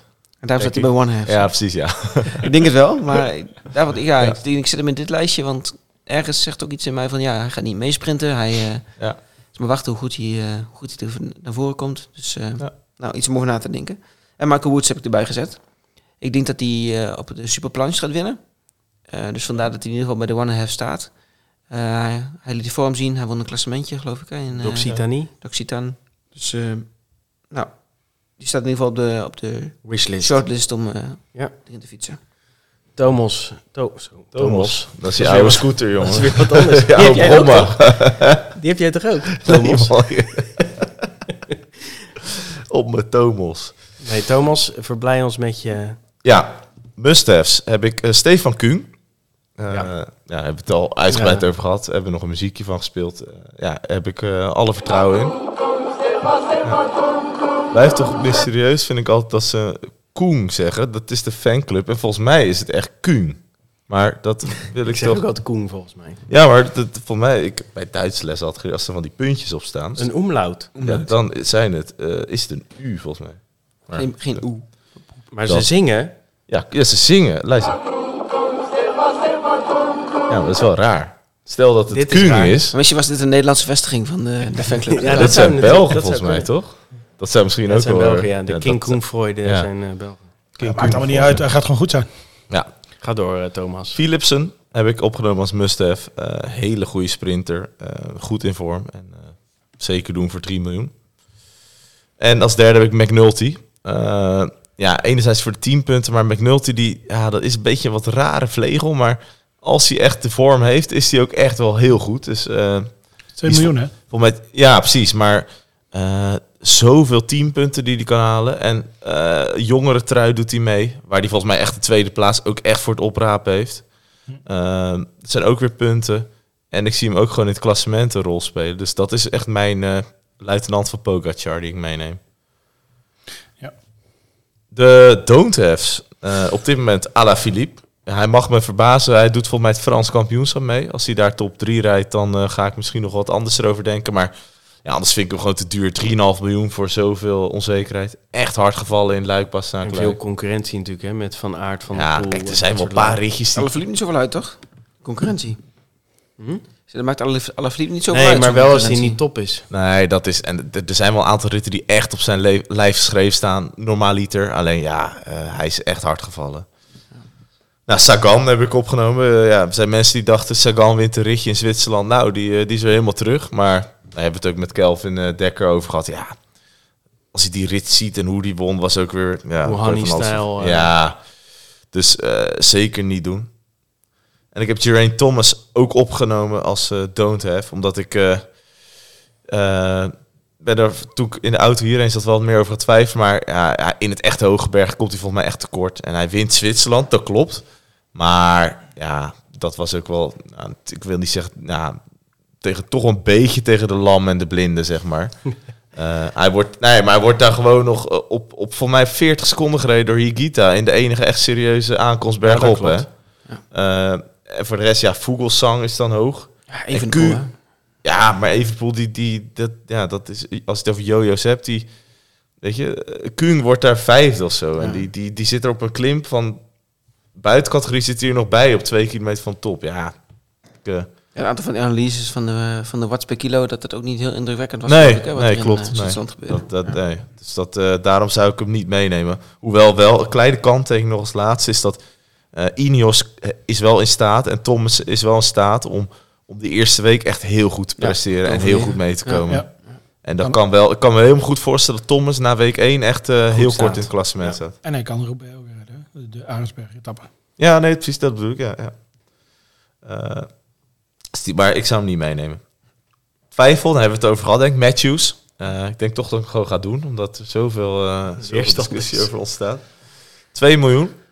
Eh, ten opzichte van Groenewegen 3 miljoen zou ik altijd Matthews doen. Moet je doen, Thomas. ja, precies. Dat wordt hier een beetje boos aangekeken, maar ik, ik vind Nee, toch... dat is omdat de tijd doorloopt. Oh ja, dat is waar. Martinez is voor mij een hele grote twijfel. Die, is, eh, die is, eh, heeft nog niet echt bevestigd, maar is wel ook duur. 4 miljoen, hè? Ja, maar hij kan het wel. En eh, Jack Hake heb ik als twijfel. Omdat ik vind Jack Hake een, een goede renner die altijd kort sprint. Ja. Alleen, ja, het is volgens mij voor mij niet de echt gedroomde podiumkandidaat. Nee. Ja, toch vrij snel gedaan, Tom. Zeker. Jij nog een lijstje? En nu ga ik even 10 minuten. Ja. Nee, eh, eh, must-haves. eh, Pedersen. Sluit ik me helemaal aan bij Arjan. Denemarken, groot favoriet proloog. Sprinten. In vorm. Doen. 2 miljoen. Jacobsen. zag ik ook een paar keer langskomen dat mensen hem ook wel duur vonden voor 4 miljoen. Omdat relatief weinig sprintkansen zijn. Ja. Ga ik absoluut niet in mee. Eh, ik denk dat hij minimaal één en waarschijnlijk twee of drie ritten gaat winnen met Morkov voor hem.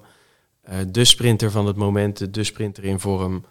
Zonder Jacobsen ga je niet hoog eindigen. Drie, Caruso, anderhalf miljoen. Eh, persbericht Bahrein bij de ploegbekendmaking. Meder gaat niet mee. Corona, Heek en Caruso kopman. Dat was eigenlijk de bevestiging die ik nodig had. Dat Caruso ook gewoon klassement mag rijden. ja. Is heel constant. Ja. Anderhalf miljoen. Ja. ja Taaie, ouwe. echt. eh, als er, het is bijna. Het is niet de eerste die ik op mijn lijstje zou zetten, maar Caruso Goeie vind ik echt een. Ja, Caruso vind ik echt een no-brainer.